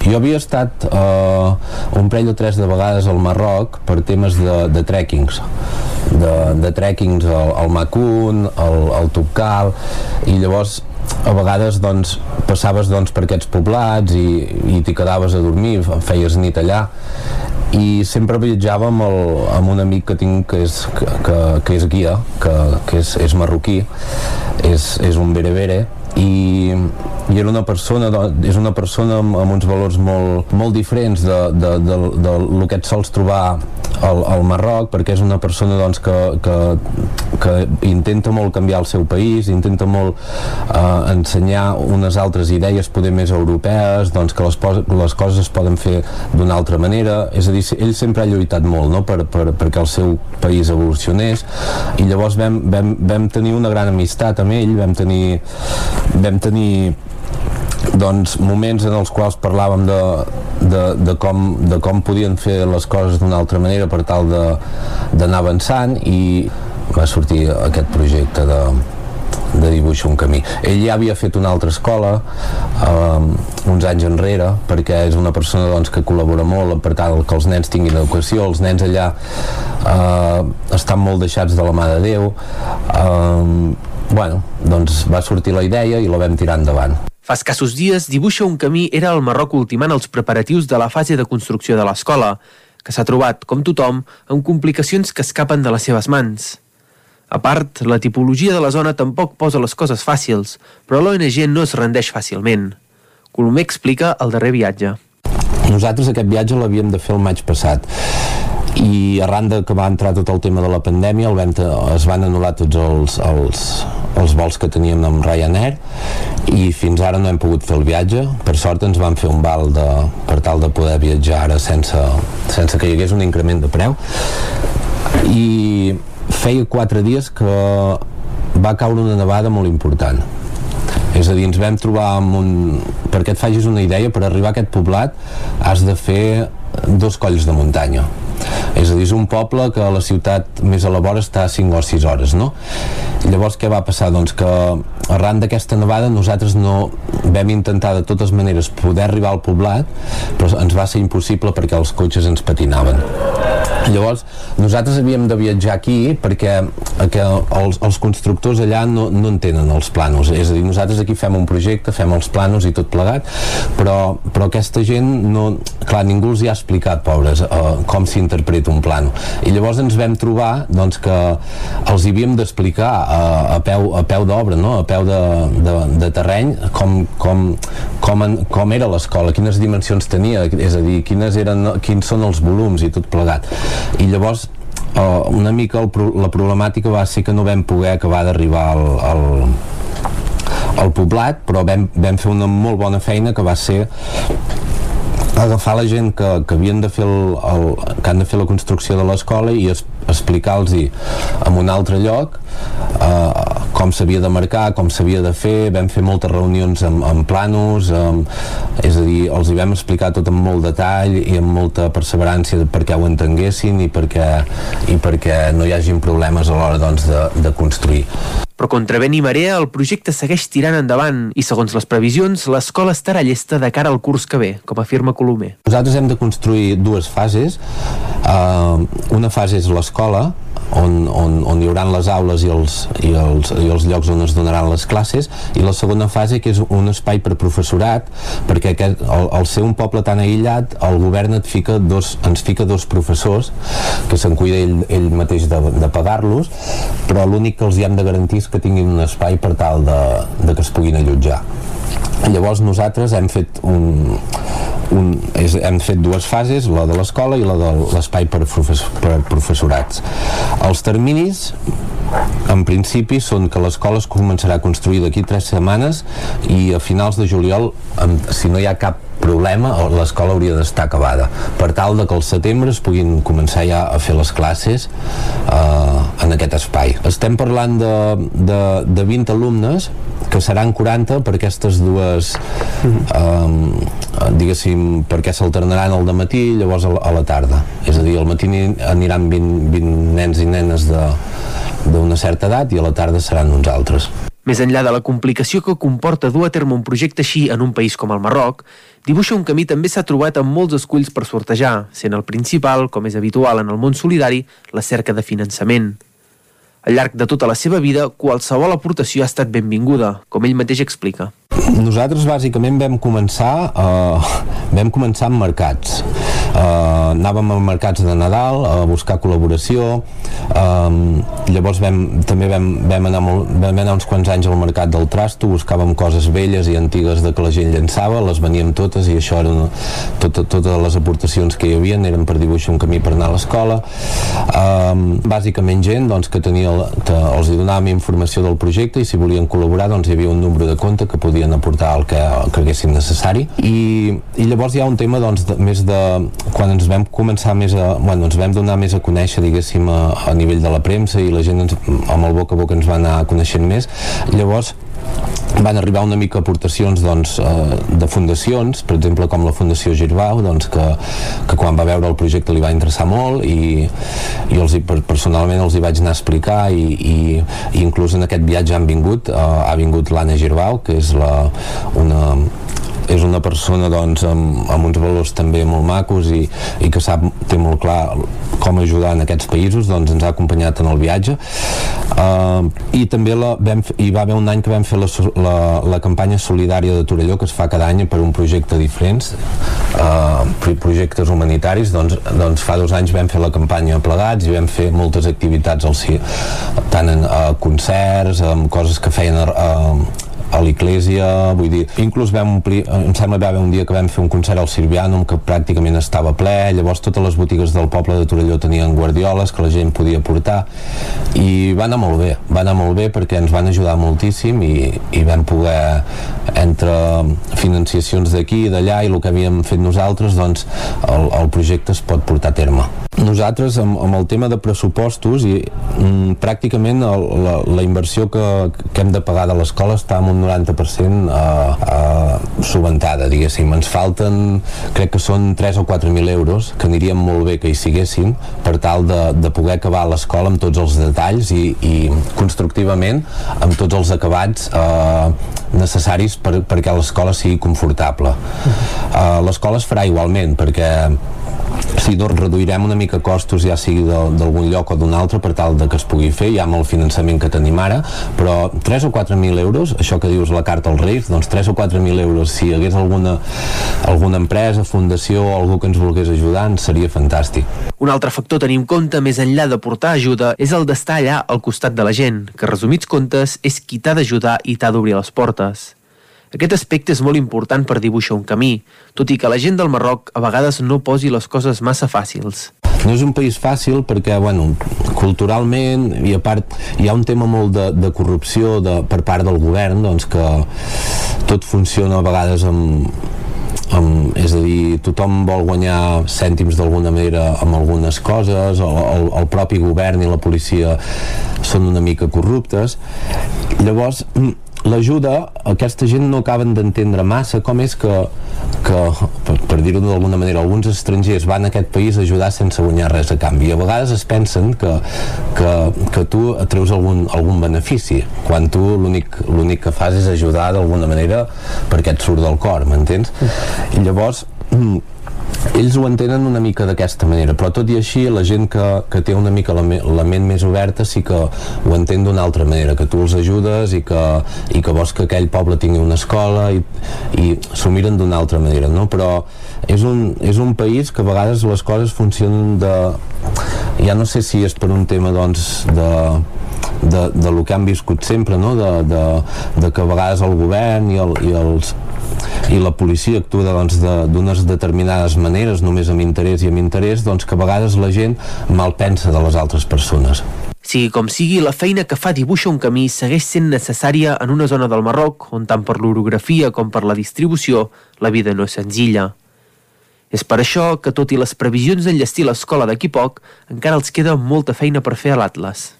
Han sigut 4 anys que és molt, des de que vam, des de que vam fundar l'ONG i han sigut molt, molt macos però també han sigut molt durs alhora hi han hagut moments una mica frustrants en el sentit de dir, ostres, que complicat que és fer una escola en un país, en un país així realment és així, saps? Jo la setmana passada al Marroc eh, vaig tenir moments molt durs uh, però llavors penses, aviam inclús moments que dir tu, ho deixo córrer, saps? Però llavors penses, per què ho hem fet això? Ho hem fet perquè uns nens puguin anar a l'escola i perquè aquest poblat tingui una escola amb condicions i llavors és quan dius, no, no, això ho acabem, saps? Ho acabem. A mi m'agradaria que dibuixa, dibuixa un camí del futur, doncs hi hagués hi haguessin noves generacions també doncs, que portés noves idees uh, segurament doncs que mm, que obrir altres vies també d'ajuda, ja no a nivell poder escolar, sinó és que per ajudar, hi ha, hi ha mil, mil coses per ajudar en aquest, en aquest país, vull dir, hi ha, hi ha per un tema de sanitat, de que els hi falten molts equips, uh, hi ha un tema de, de, de nens que no poden anar a la universitat, o, o noies que un cop acaben els estudis elementals no poden anar a la universitat perquè no tenen uh, ningú que els hi financi, ni, ni casa seva, doncs tots aquests àmbits es podrien ajudar d'alguna manera, no? I m'agradaria doncs, que de cara a un futur dibuix un camí pogués, pogués, pogués aportar noves vies d'ajuda també i altres camins, sí. Així, amb molt camí per recórrer, a poc a poc l'organització va costant-se més al seu objectiu fundacional, dibuixar un camí que faciliti la vida i l'educació dels nens a l'Atlas. I tot i que en un país com el Marroc la feina no s'acaba mai, totxo a totxo, dibuixa un camí per anar a l'escola està construint molt més que una escola. Està construint una vida i un futur millor per a molts infants.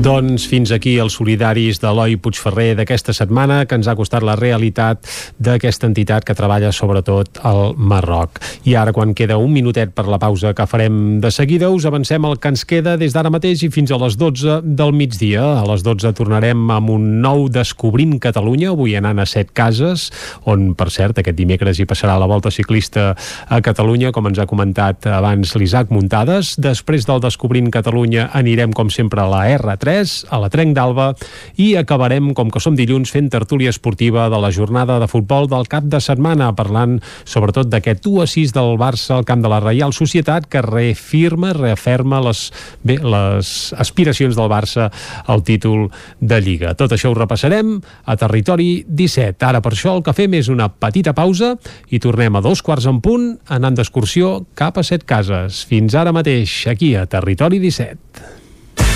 El nou FM, la ràdio de casa, al 92.8.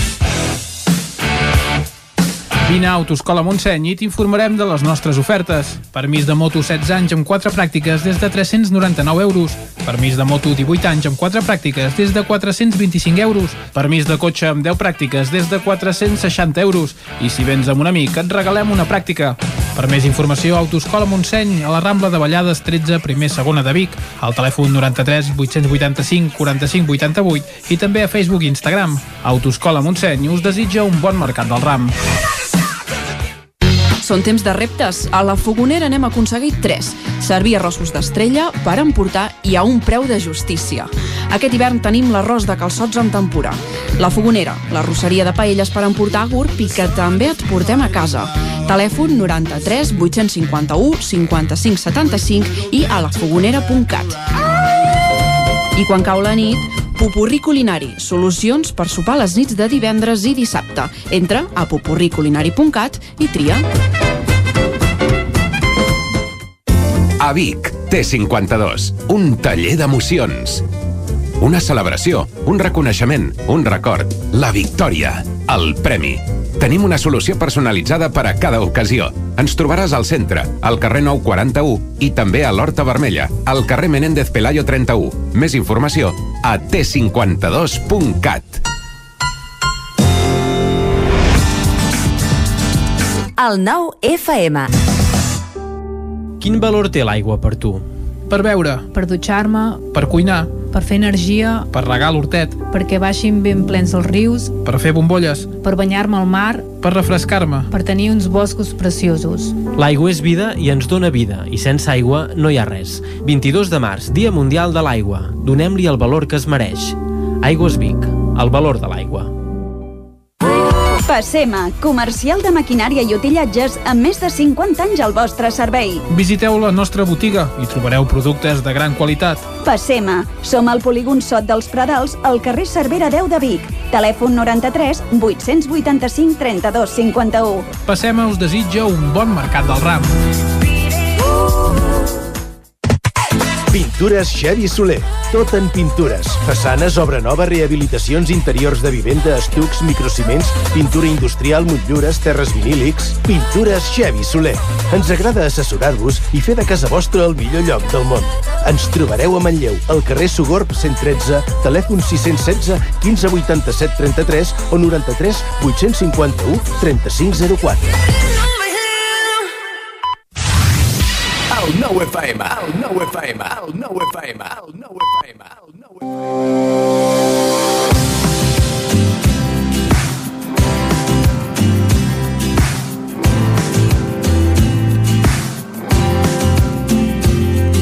Avui parlem del municipi de Set Cases, un municipi de la comarca del Ripollès amb només 170 habitants. El municipi és molt accidentat dins el seu terme s'hi troben diversos cims del Pirineu, com ara el Pic de Bastiments, el Pic de la Dona, la Roca Colom i el Costa Bona. El clima és mediterrani, de muntanya mitjana i d'alta muntanya, generalment humit a causa de les abundants precipitacions provocades per l'afluència dels vents de llevant. Els hiverns són bastant freds i els estius frescos. Els orígens històrics es remunten al 965, any en què el comte Sonifred de Besalú esmenta el lloc en unes donacions fetes al monestir de Sant Pere de Camprodon. És d'agricultura de secà i ramaderia. Hi va haver una important farga a la llosa i ha esdevingut un nucli turístic d'importància gràcies sobretot a l'estació d'esports d'hivern de Vallter 2000, oberta el 1975, i també a l'excursionista. De fet, hi ha els refugis de muntanya d'Ull de Ter i del Costa Bona. L'església de set cases dedicada a Sant Miquel Arcàngel data de finals del segle XVII. L'any 1962, que figura a peu del bastiment de l'Alta Major, pot ser la data d'acabament de la fusteria, i l'any 1706, que figura en una de les peces d'aquest altar, la de la seva definitiva construcció va ser construïda damunt d'una església d'estil romànic edificada al segle XII, un cop finalitzada l'organització religiosa de la vall de Camprodon. D'aquesta última en queden restes del presbiteri, que apareix exactament a la base de l'actual campanar, i també algunes pedres emprades en la seva construcció. L'altar major de l'església de Set Cases constitueix una excel·lent peça escultural del barroc català, de l'època del ple desbordament ornamental. La seva composició consta d'un eix central presidit per Sant Miquel Arcàngel. A Set Cases trobareu molts miradors naturals, des d'on podreu gaudir del fantàstic paisatge natural que ens envolta, el mirador del Forat de l'Olla, el mirador del Collet de Xoriguera, el mirador de la Vaidana i el balcó i mirador de la Costa Brava.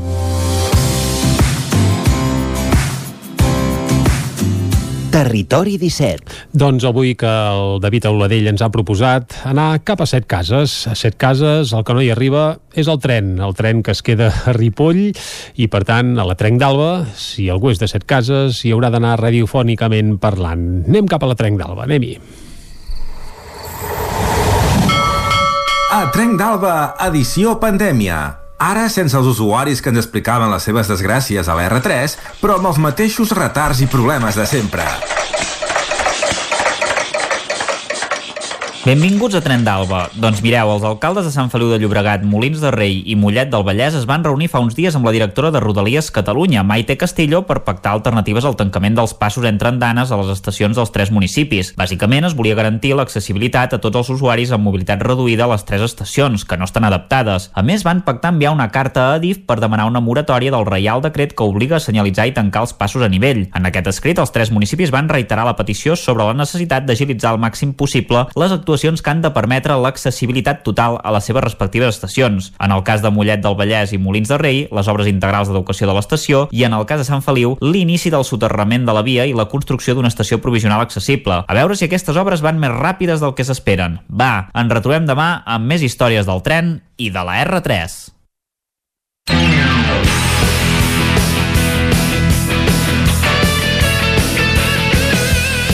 I quan passen 4 minutets de dos quarts de 12 del migdia, d'avui dilluns, dia 22 de maig de 2021, és el moment de començar la tertúlia esportiva. Una tertúlia esportiva que, com sempre, compartirem amb un perico, un madridista i un barcelonista. El madridista és l'Isaac Muntades, que el tenim a la veu de Sant Joan, en Lluís de Planell a les files periques i en Miquel R avui, que ens farà de barcelonista. Bon dia, bon dia a tots tres. Bon dia. I deixeu-me Bon dia. començar pel gran partit de la jornada, home, el Barça, 1 a 6. Finalment sembla que, que es va posant a to això, que comença a haver-hi futbol i que Koeman comença a fer encaixar les peces, eh? A veure, eh, hauríem de vigilar els culers, a no deixar, no, eh? no pensar que perquè hem guanyat una 6, que va ser un partit sí que va va començar molt gris, la, és veritat, i es va, trobar, es va acabar trobant el desllorigador. Uh, hem de vigilar que ara no es desfermi l'eufòria, seria bo que anéssim recordant que fa dos mesos tots dèiem que no guanyaríem res, any de transició, mm. -hmm. con, continuo pensant que serà un any complicat. Sí que és veritat que mires aquesta jornada, i sense deixar anar l'eufòria, veus l'Atlètic de Madrid guanyant 1-0 amb el penúltim i patint, eh, veus el Madrid eh, patint, perquè al final encara com va guanyar, i veus el Barça guanyant amb el cinquè classificat, que a més a més està jugant molt bé, ha fet molt bons partits a la societat, un partit molt convincent, tornes a veure, sembla que finalment de, de, de, no, després de moure de, de, de, després de, de, de, de, com, de com bellugar les peces està funcionant aquest 3-4-3 li està funcionant i de moment va mantenint uh, ja dic jo se- seria, jo seria prudent però sí, home, és, és acabar ca- acabes el cap de setmana, de setmana anant a dormir amb un, un somriure ampli Com sempre els culers només us mireu amb l'IC. Home, no. Sí, ja, sí, ja sí, sí. parlarem una mica de l'Espanyol, Sí, sí, Lluís, sí. també, No, no, però no, clar, no, comencem però- per la primera divisió. Sí, sí, però és que tenia sis baixes la Real Societat. Per exemple, no, no tenia... Oh, el Barça també té baixes, eh? On, Uh, quines? Home, l'Ansu Fati, que va començar com a i? gran... Home, i el Piqué, I fins a eh, sis? central titular. Fins a Sí, sis? encara Home, sis, que potser hi arribaríem, però aviam, Déu-n'hi-do. Estem, les estem, baixes estem, del Barça, estem eh? jugant amb en De Jong de central perquè no tenim més, tenim els dos centrals va, va començar a jugar uns minuts mm -hmm. amb totes maneres, home, guanyar una 6 a camp de la Real Societat bueno, No, no tenia està lateral esquerra, no tenia. per tant, en, en Dest aquest va tenia la, la porta oberta per entrar per allà amb Bueno, i fer gols i tot, que Goita va fer un parell. Per això, per això. Que...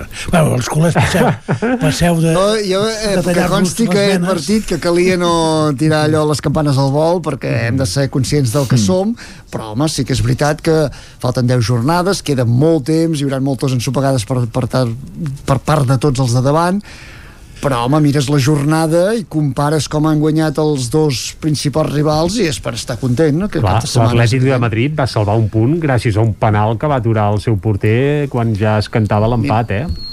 La Real Societat podia haver fet el 1-0 si el porter del Barça no treu aquella pilota que complicadíssima També, amb però la clar. rematada de l'Isaac -huh. No, jo ho dic perquè a vegades els partits uh -huh. evolucionen, depèn de les circumstàncies. Sí. Uh -huh.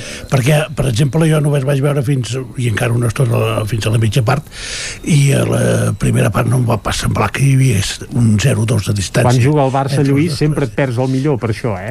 La segona Sí, part, no, per no, exemple. ja. No, sí que és veritat que va arribar el, el gol, perquè ja dic, jo ho he dit, eh, també va començar molt gris el partit, eh, com aquells partits que semblen partits de handball, el Barça, que no hi ha manera de trobar forat, el...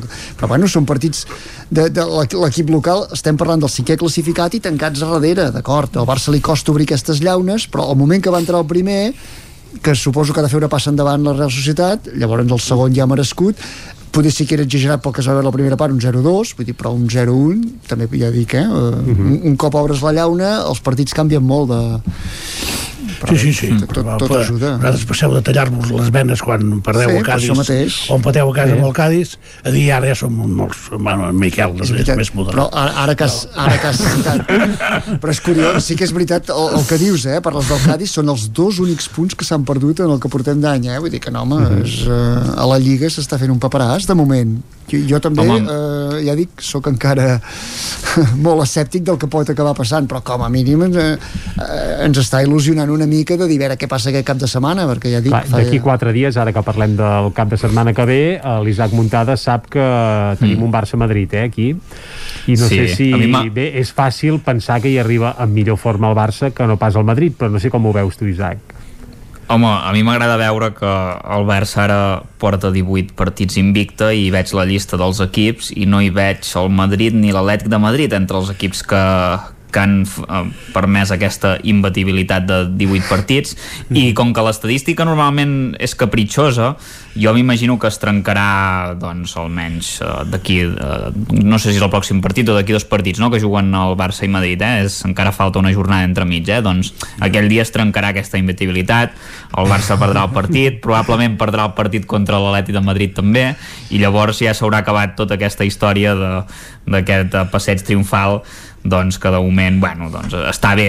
Ara, dir que el Madrid no està en forma, bé, jo només diré una cosa també, al igual que el Barça porta 8 partits invicta, no sé quants en porta el Madrid ara no n'estic del tot segur però crec que des de que Zidane va sortir en aquella roda de premsa a Huesca dient que se'ls havia de donar l'oportunitat de lluitar per la Lliga, crec que des d'aquell dia el Madrid no ha perdut cap partit, n'ha empatat dos només, el de la Reial Societat i el de l'Atleti de Madrid, i em sembla que ha guanyat els 8 o 9 o 10 que ha jugat a Curiosament, curiosament també els Vull- dos de davant, eh? Em deies amb qui havia jugat al Barça, allà on ha punxat el Madrid és quan juga amb els, Sí. amb els de davant, eh? però el Madrid eh, va guanyar l'Atleti de Madrid també ha guanyat eh, en el Barça vull dir, ha guanyat equips de davant, ha guanyat el Sevilla vull dir, aviam, eh, ha guanyat el Betis Uh, vull dir que no anem pas malament i jo crec que també arribem en un bon moment de forma ens hem classificat per la Champions ha tocat el Liverpool, que és un equip molt difícil però que segurament no, no és passa el seu dels millor moment ara mateix. Bueno, és, és un equip que fa dos anys va guanyar la Champions i que l'any passat mm, no, li va anar del canto un duro no fer el rècord de punts a la Premier. Anem subestimant els equips d'aquesta manera.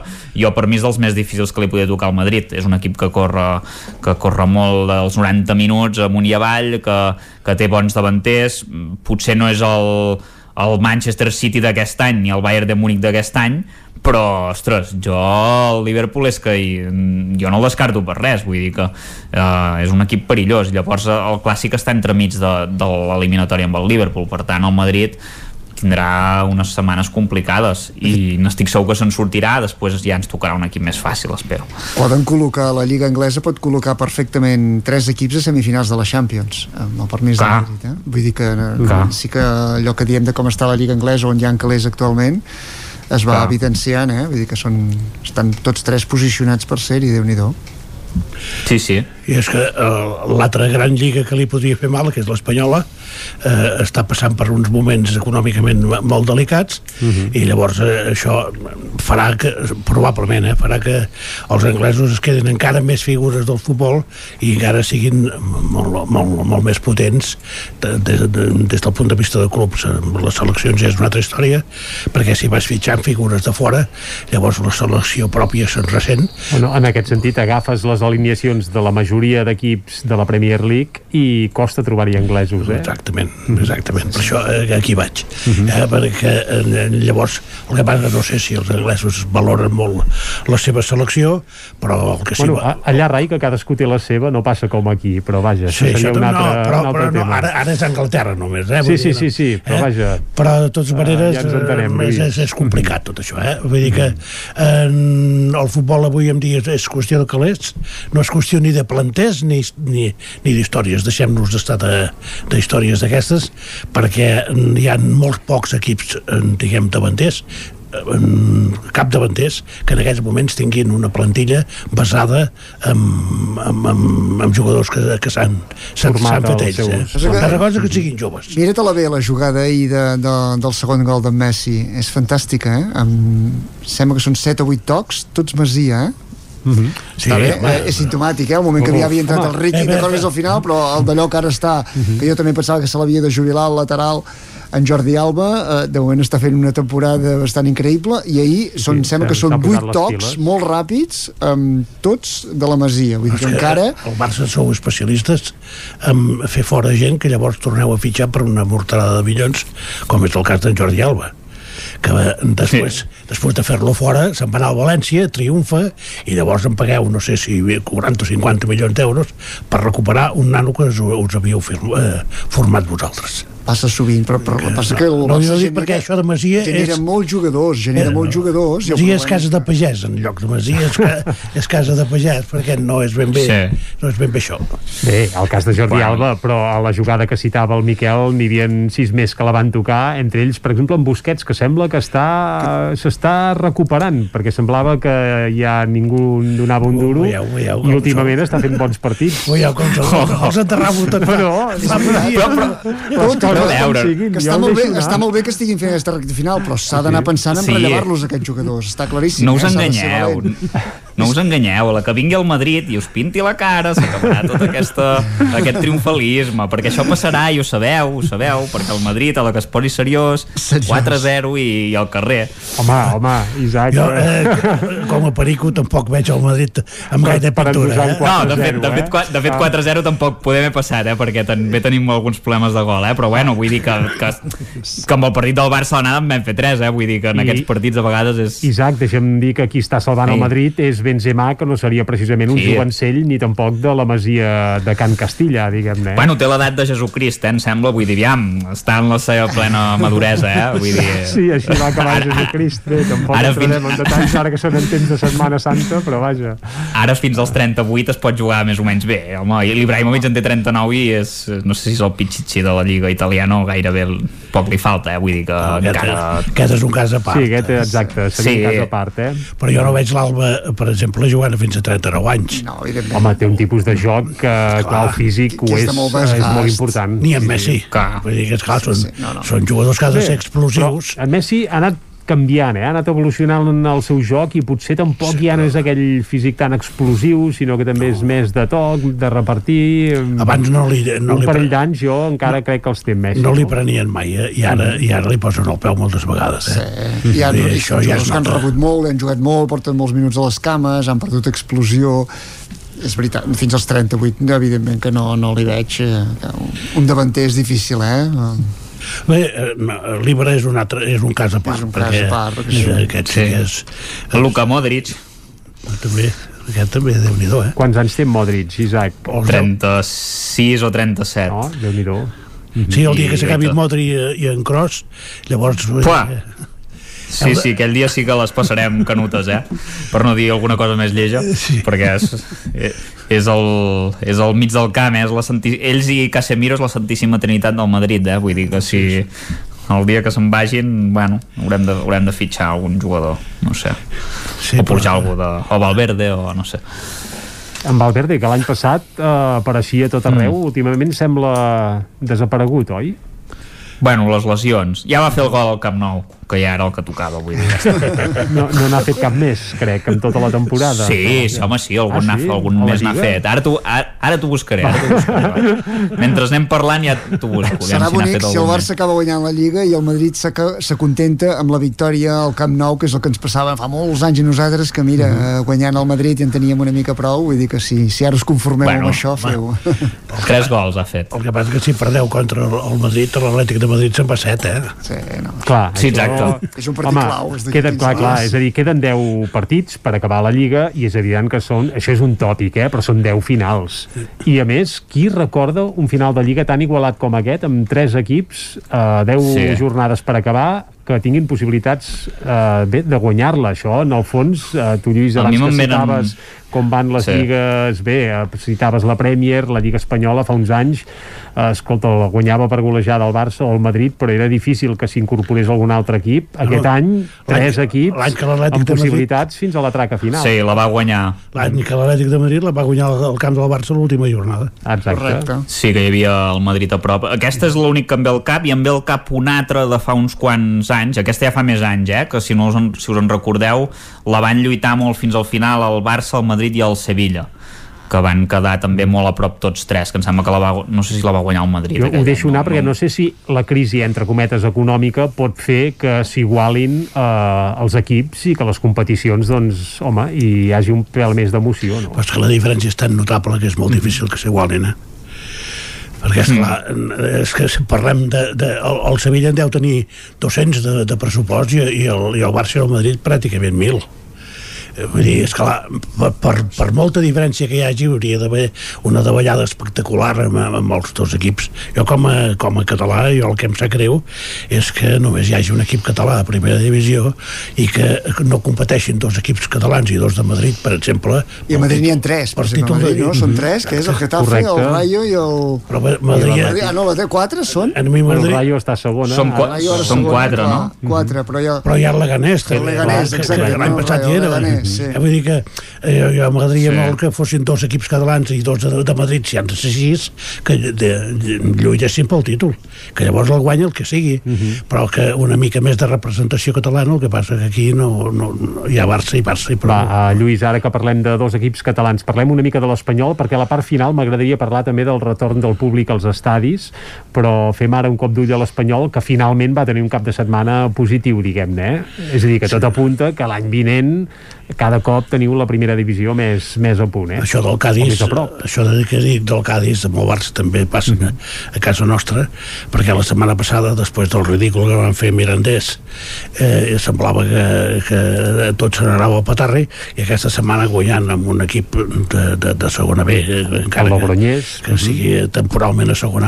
A el Logroñés el Mallorca s'adorm i L'Almeria també. també i llavors resulta que tornem a ser segons i ara ja som bons. És dir, no és ni una cosa ni l'altra. Vull dir que eh, vam guanyar un equip flu, fluixet que ens, ens ho va posar molt fàcil i llavors vull dir, han, han, han de venir altres partits per veure exact, exactament on som.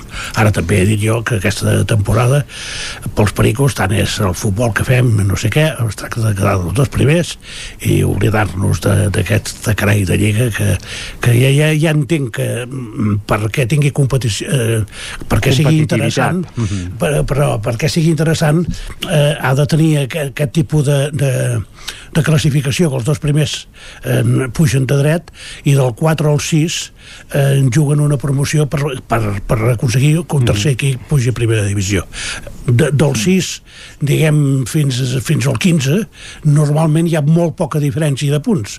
Per tant si tu ets el 14 eh, si fas un parell de partits bons et pots col·locar al 6 i pots tenir opcions de pujar. Tot això fa que la, la competició sigui absolutament diferent com era, per exemple, fa uns anys perquè si es des- destacaven tres equips els, els, els altres ja no tenien cap opció i si ja no baixaves doncs, doncs ja en tenies prou. I jo ja entenc que això és, és diguem, l'essència del futbol i que s'ha de competir d'aquesta manera. Però esclar, quan hi participes, quan hi ets, eh, i estàs allà implicat la veritat és que emprenya molt perquè equips molt inferiors a tu doncs eh, fan el, el possible i l'impossible per guanyar-te perquè volen Barcelona està com a mínim al sisè lloc, perquè l'any passat, per exemple, el sisè classificat, que era l'Elx, és el que va guanyar la promoció en el Girona, que era el gran equip favorit per pujar a primera divisió, i mira, ara l'Elx és la primera divisió. I el Girona no. Jo, exacte. Uh -huh. Vull dir que eh, ja, ja, jo ja entenc que, que, que des del punt de vista competitiu això és molt més interessant perquè hi ha molt més equips implicats i, i, i la cosa doncs, genera eh, diguem més, més polèmica i més controvèrsia i més emoció. Però clar, quan ja estàs allà al mig ficat doncs prenya una mica. de fet s'ha dit sempre que la segona divisió no és, és una, vull dir que és complicada. Vull dir que és el problema no és allò de dir els equips que baixen llavors eh, pugen de carrer perquè és una, també hi ha jugador molt veterà hi ha equips que, molt tancats hi ha camps molt complicats per, per jugar-hi. Per tant aquest és el problema de baixar sobretot perquè no, no, no només amb nivell puges sinó que et trobes has de picar molta pedra. Per això és el, aquest, un dels drames de baixar és que no t'assegures que si amb un bon equip tornaràs a pujar de seguida. Uh -huh. uh, Sí, deixeu-me tant de bo l'Espanyol pugi i per tant no, no hagi de patir més aquest, aquest llast uh, Lluís, però a la part final de la tertúlia volíem parlar avui del retorn del públic als estadis. Retorn evidentment no pas a primera divisió encara però sí mm. que aquest cap de setmana ja s'ha vist gent, per exemple, al municipal de Vic on en Lluís dissabte hi era a primera catalana, tercera divisió bé, a, a, també a pavellons uh, creieu que veurem públic per exemple, eh, al camp de l'Espanyol, al camp del Barça, abans d'acabar la temporada? Ho veieu possible, sí. això? En temes sí, de fet està previst, de fet està previst en principi a l'abril han dit que a finals d'abril o així s'intentarà posar públic. Entenc que després de les de les finals de Copa, que en principi seran ah, sense la, públic. La primera final de Copa eh, sí, ja la primera dit que segur? serà sense, és a dir, la del Bilbao sí. Reial Societat. No, I la segona també, eh? Bé, tenint en compte els que també. la juguen, jo sí. també intueixo que el rei s'estalviarà la xiulada habitual, el Felip VI, i potser és un bon argument, bé, no, un argument que evidentment no el faran pas públic, eh, però s'estalviaran un mal de cap en aquest sentit, suposo. Però una final amb dos equips bascos m'hauria agradat molt al públic. Uh -huh. Però molt, eh? tantes coses per l'ambient, no tant pel futbol. En Felip VI potser no li hauria agradat tant. Exacte. No, jo, jo penso que és, que, que és positiu. També penso que, per exemple, el dia, ja ens vam veure dissabte Correcte, dissabte al Vic, Municipal d'Esports i de érem Vic. tots dos, uh -huh. i ja vam veure que, que de, de perill de, de contagi cap, perquè la gent es pot eh, col·locar, eh, hi, ha, hi ha espai de, de sobres per tothom, té un, Mm, un clar, màxim de, amb- de amb persones, vull dir que no hi era amb pas. estadis petits és evident que és fàcil, entre cometes, mantenir les distàncies, respectar eh, tota la normativa, però amb estadis grans la cosa es complica. Clar, posar mil persones en un camp es pot fer posar-ne, m'imagino el Camp Nou eh, encara que sigui un aforament del 30% tens 30.000 persones que sortiran de cop que, trobaran clar, el- potser que, lavabos, que, que que han d'aparcar eh, que han si de... han de demanar un- clar, una beguda, no es que pot demanar, és més no és el complicat. mateix obrir el camp del Vic que obrir el camp del Barça Jo, jo, o, o sigui, per, fins, fins a arribar al seient, uh -huh. fins a arribar al seient eh, es pot fer tan esglaonadament com vulguis perquè eh,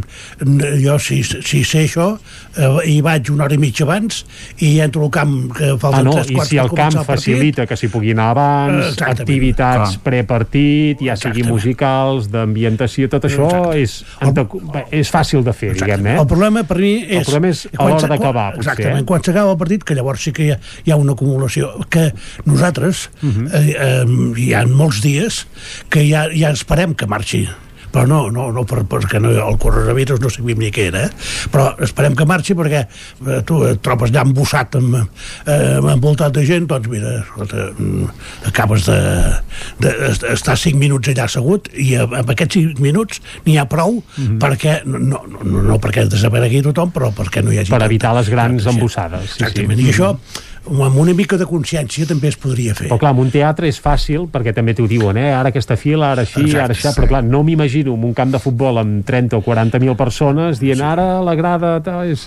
clar, la logística aquí es complica i pot ser I, més I jo entenc més que, per difícil. exemple, en un camp modern com, com és el de l'Espanyol és relativament fàcil perquè hi ha moltes sortides Mhm. i la gent es pot mm, més o menys eh, diguem, sortir pel seu lloc i això és, és fàcil però en camps, diguem, que que, que ja tenen més anys, que segur que compleixen les mesures, però que, que la gent va, va, diguem, hi ha un moment que es forma un embut, i llavors és, és, és, és molt complicat. I la mentalitat que tenim tots, si guanyem, eh, n- no fa res... celebrar-ho, que pum, i, I, sí, i sí, si sí, perdem complicat. ens emprenyem i llavors volem marxar fins i tot dos minuts abans. Mhm. I llavors eh, a mi em faria, el que em faria gràcia o el que em farà gràcia quan vegi quan comenci a haver-hi eh, en futbol eh, en professional, Públic, eh, públic al futbol, és la gent que marxarà abans perquè hi ha molta gent que ho fa.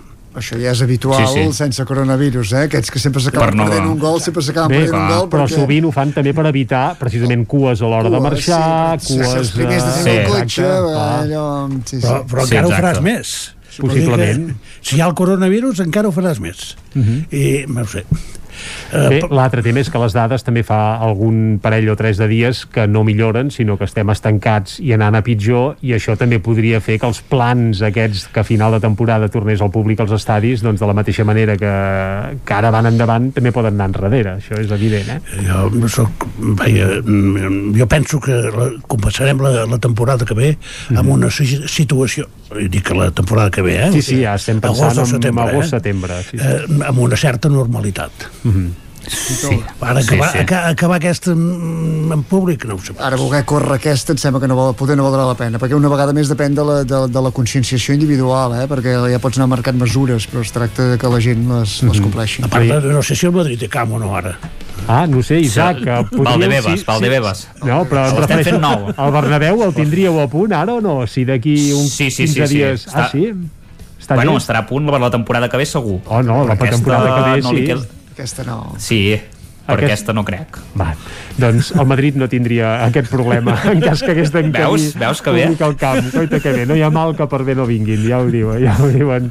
Uh, Isaac Muntades, Lluís de Planell, Miquel R, moltes gràcies per compartir una tertúlia més aquí a Territori 17. Tant de bo, abans de final de temporada, tornem a veure públic als estadis de primera divisió, que això seria un molt bon senyal i voldria dir que mica en mica anem superant aquest mal son de la Covid-19. Moltes gràcies a tots tres.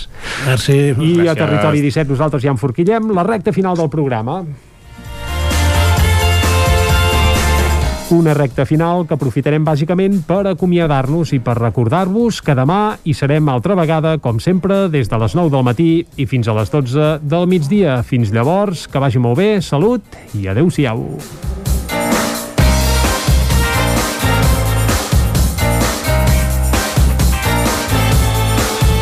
Territori 17, un magazín del nou FM. La veu de Sant Joan. Ona Codinenca I Ràdio Cardedeu amb el suport de la xarxa. El nou FM.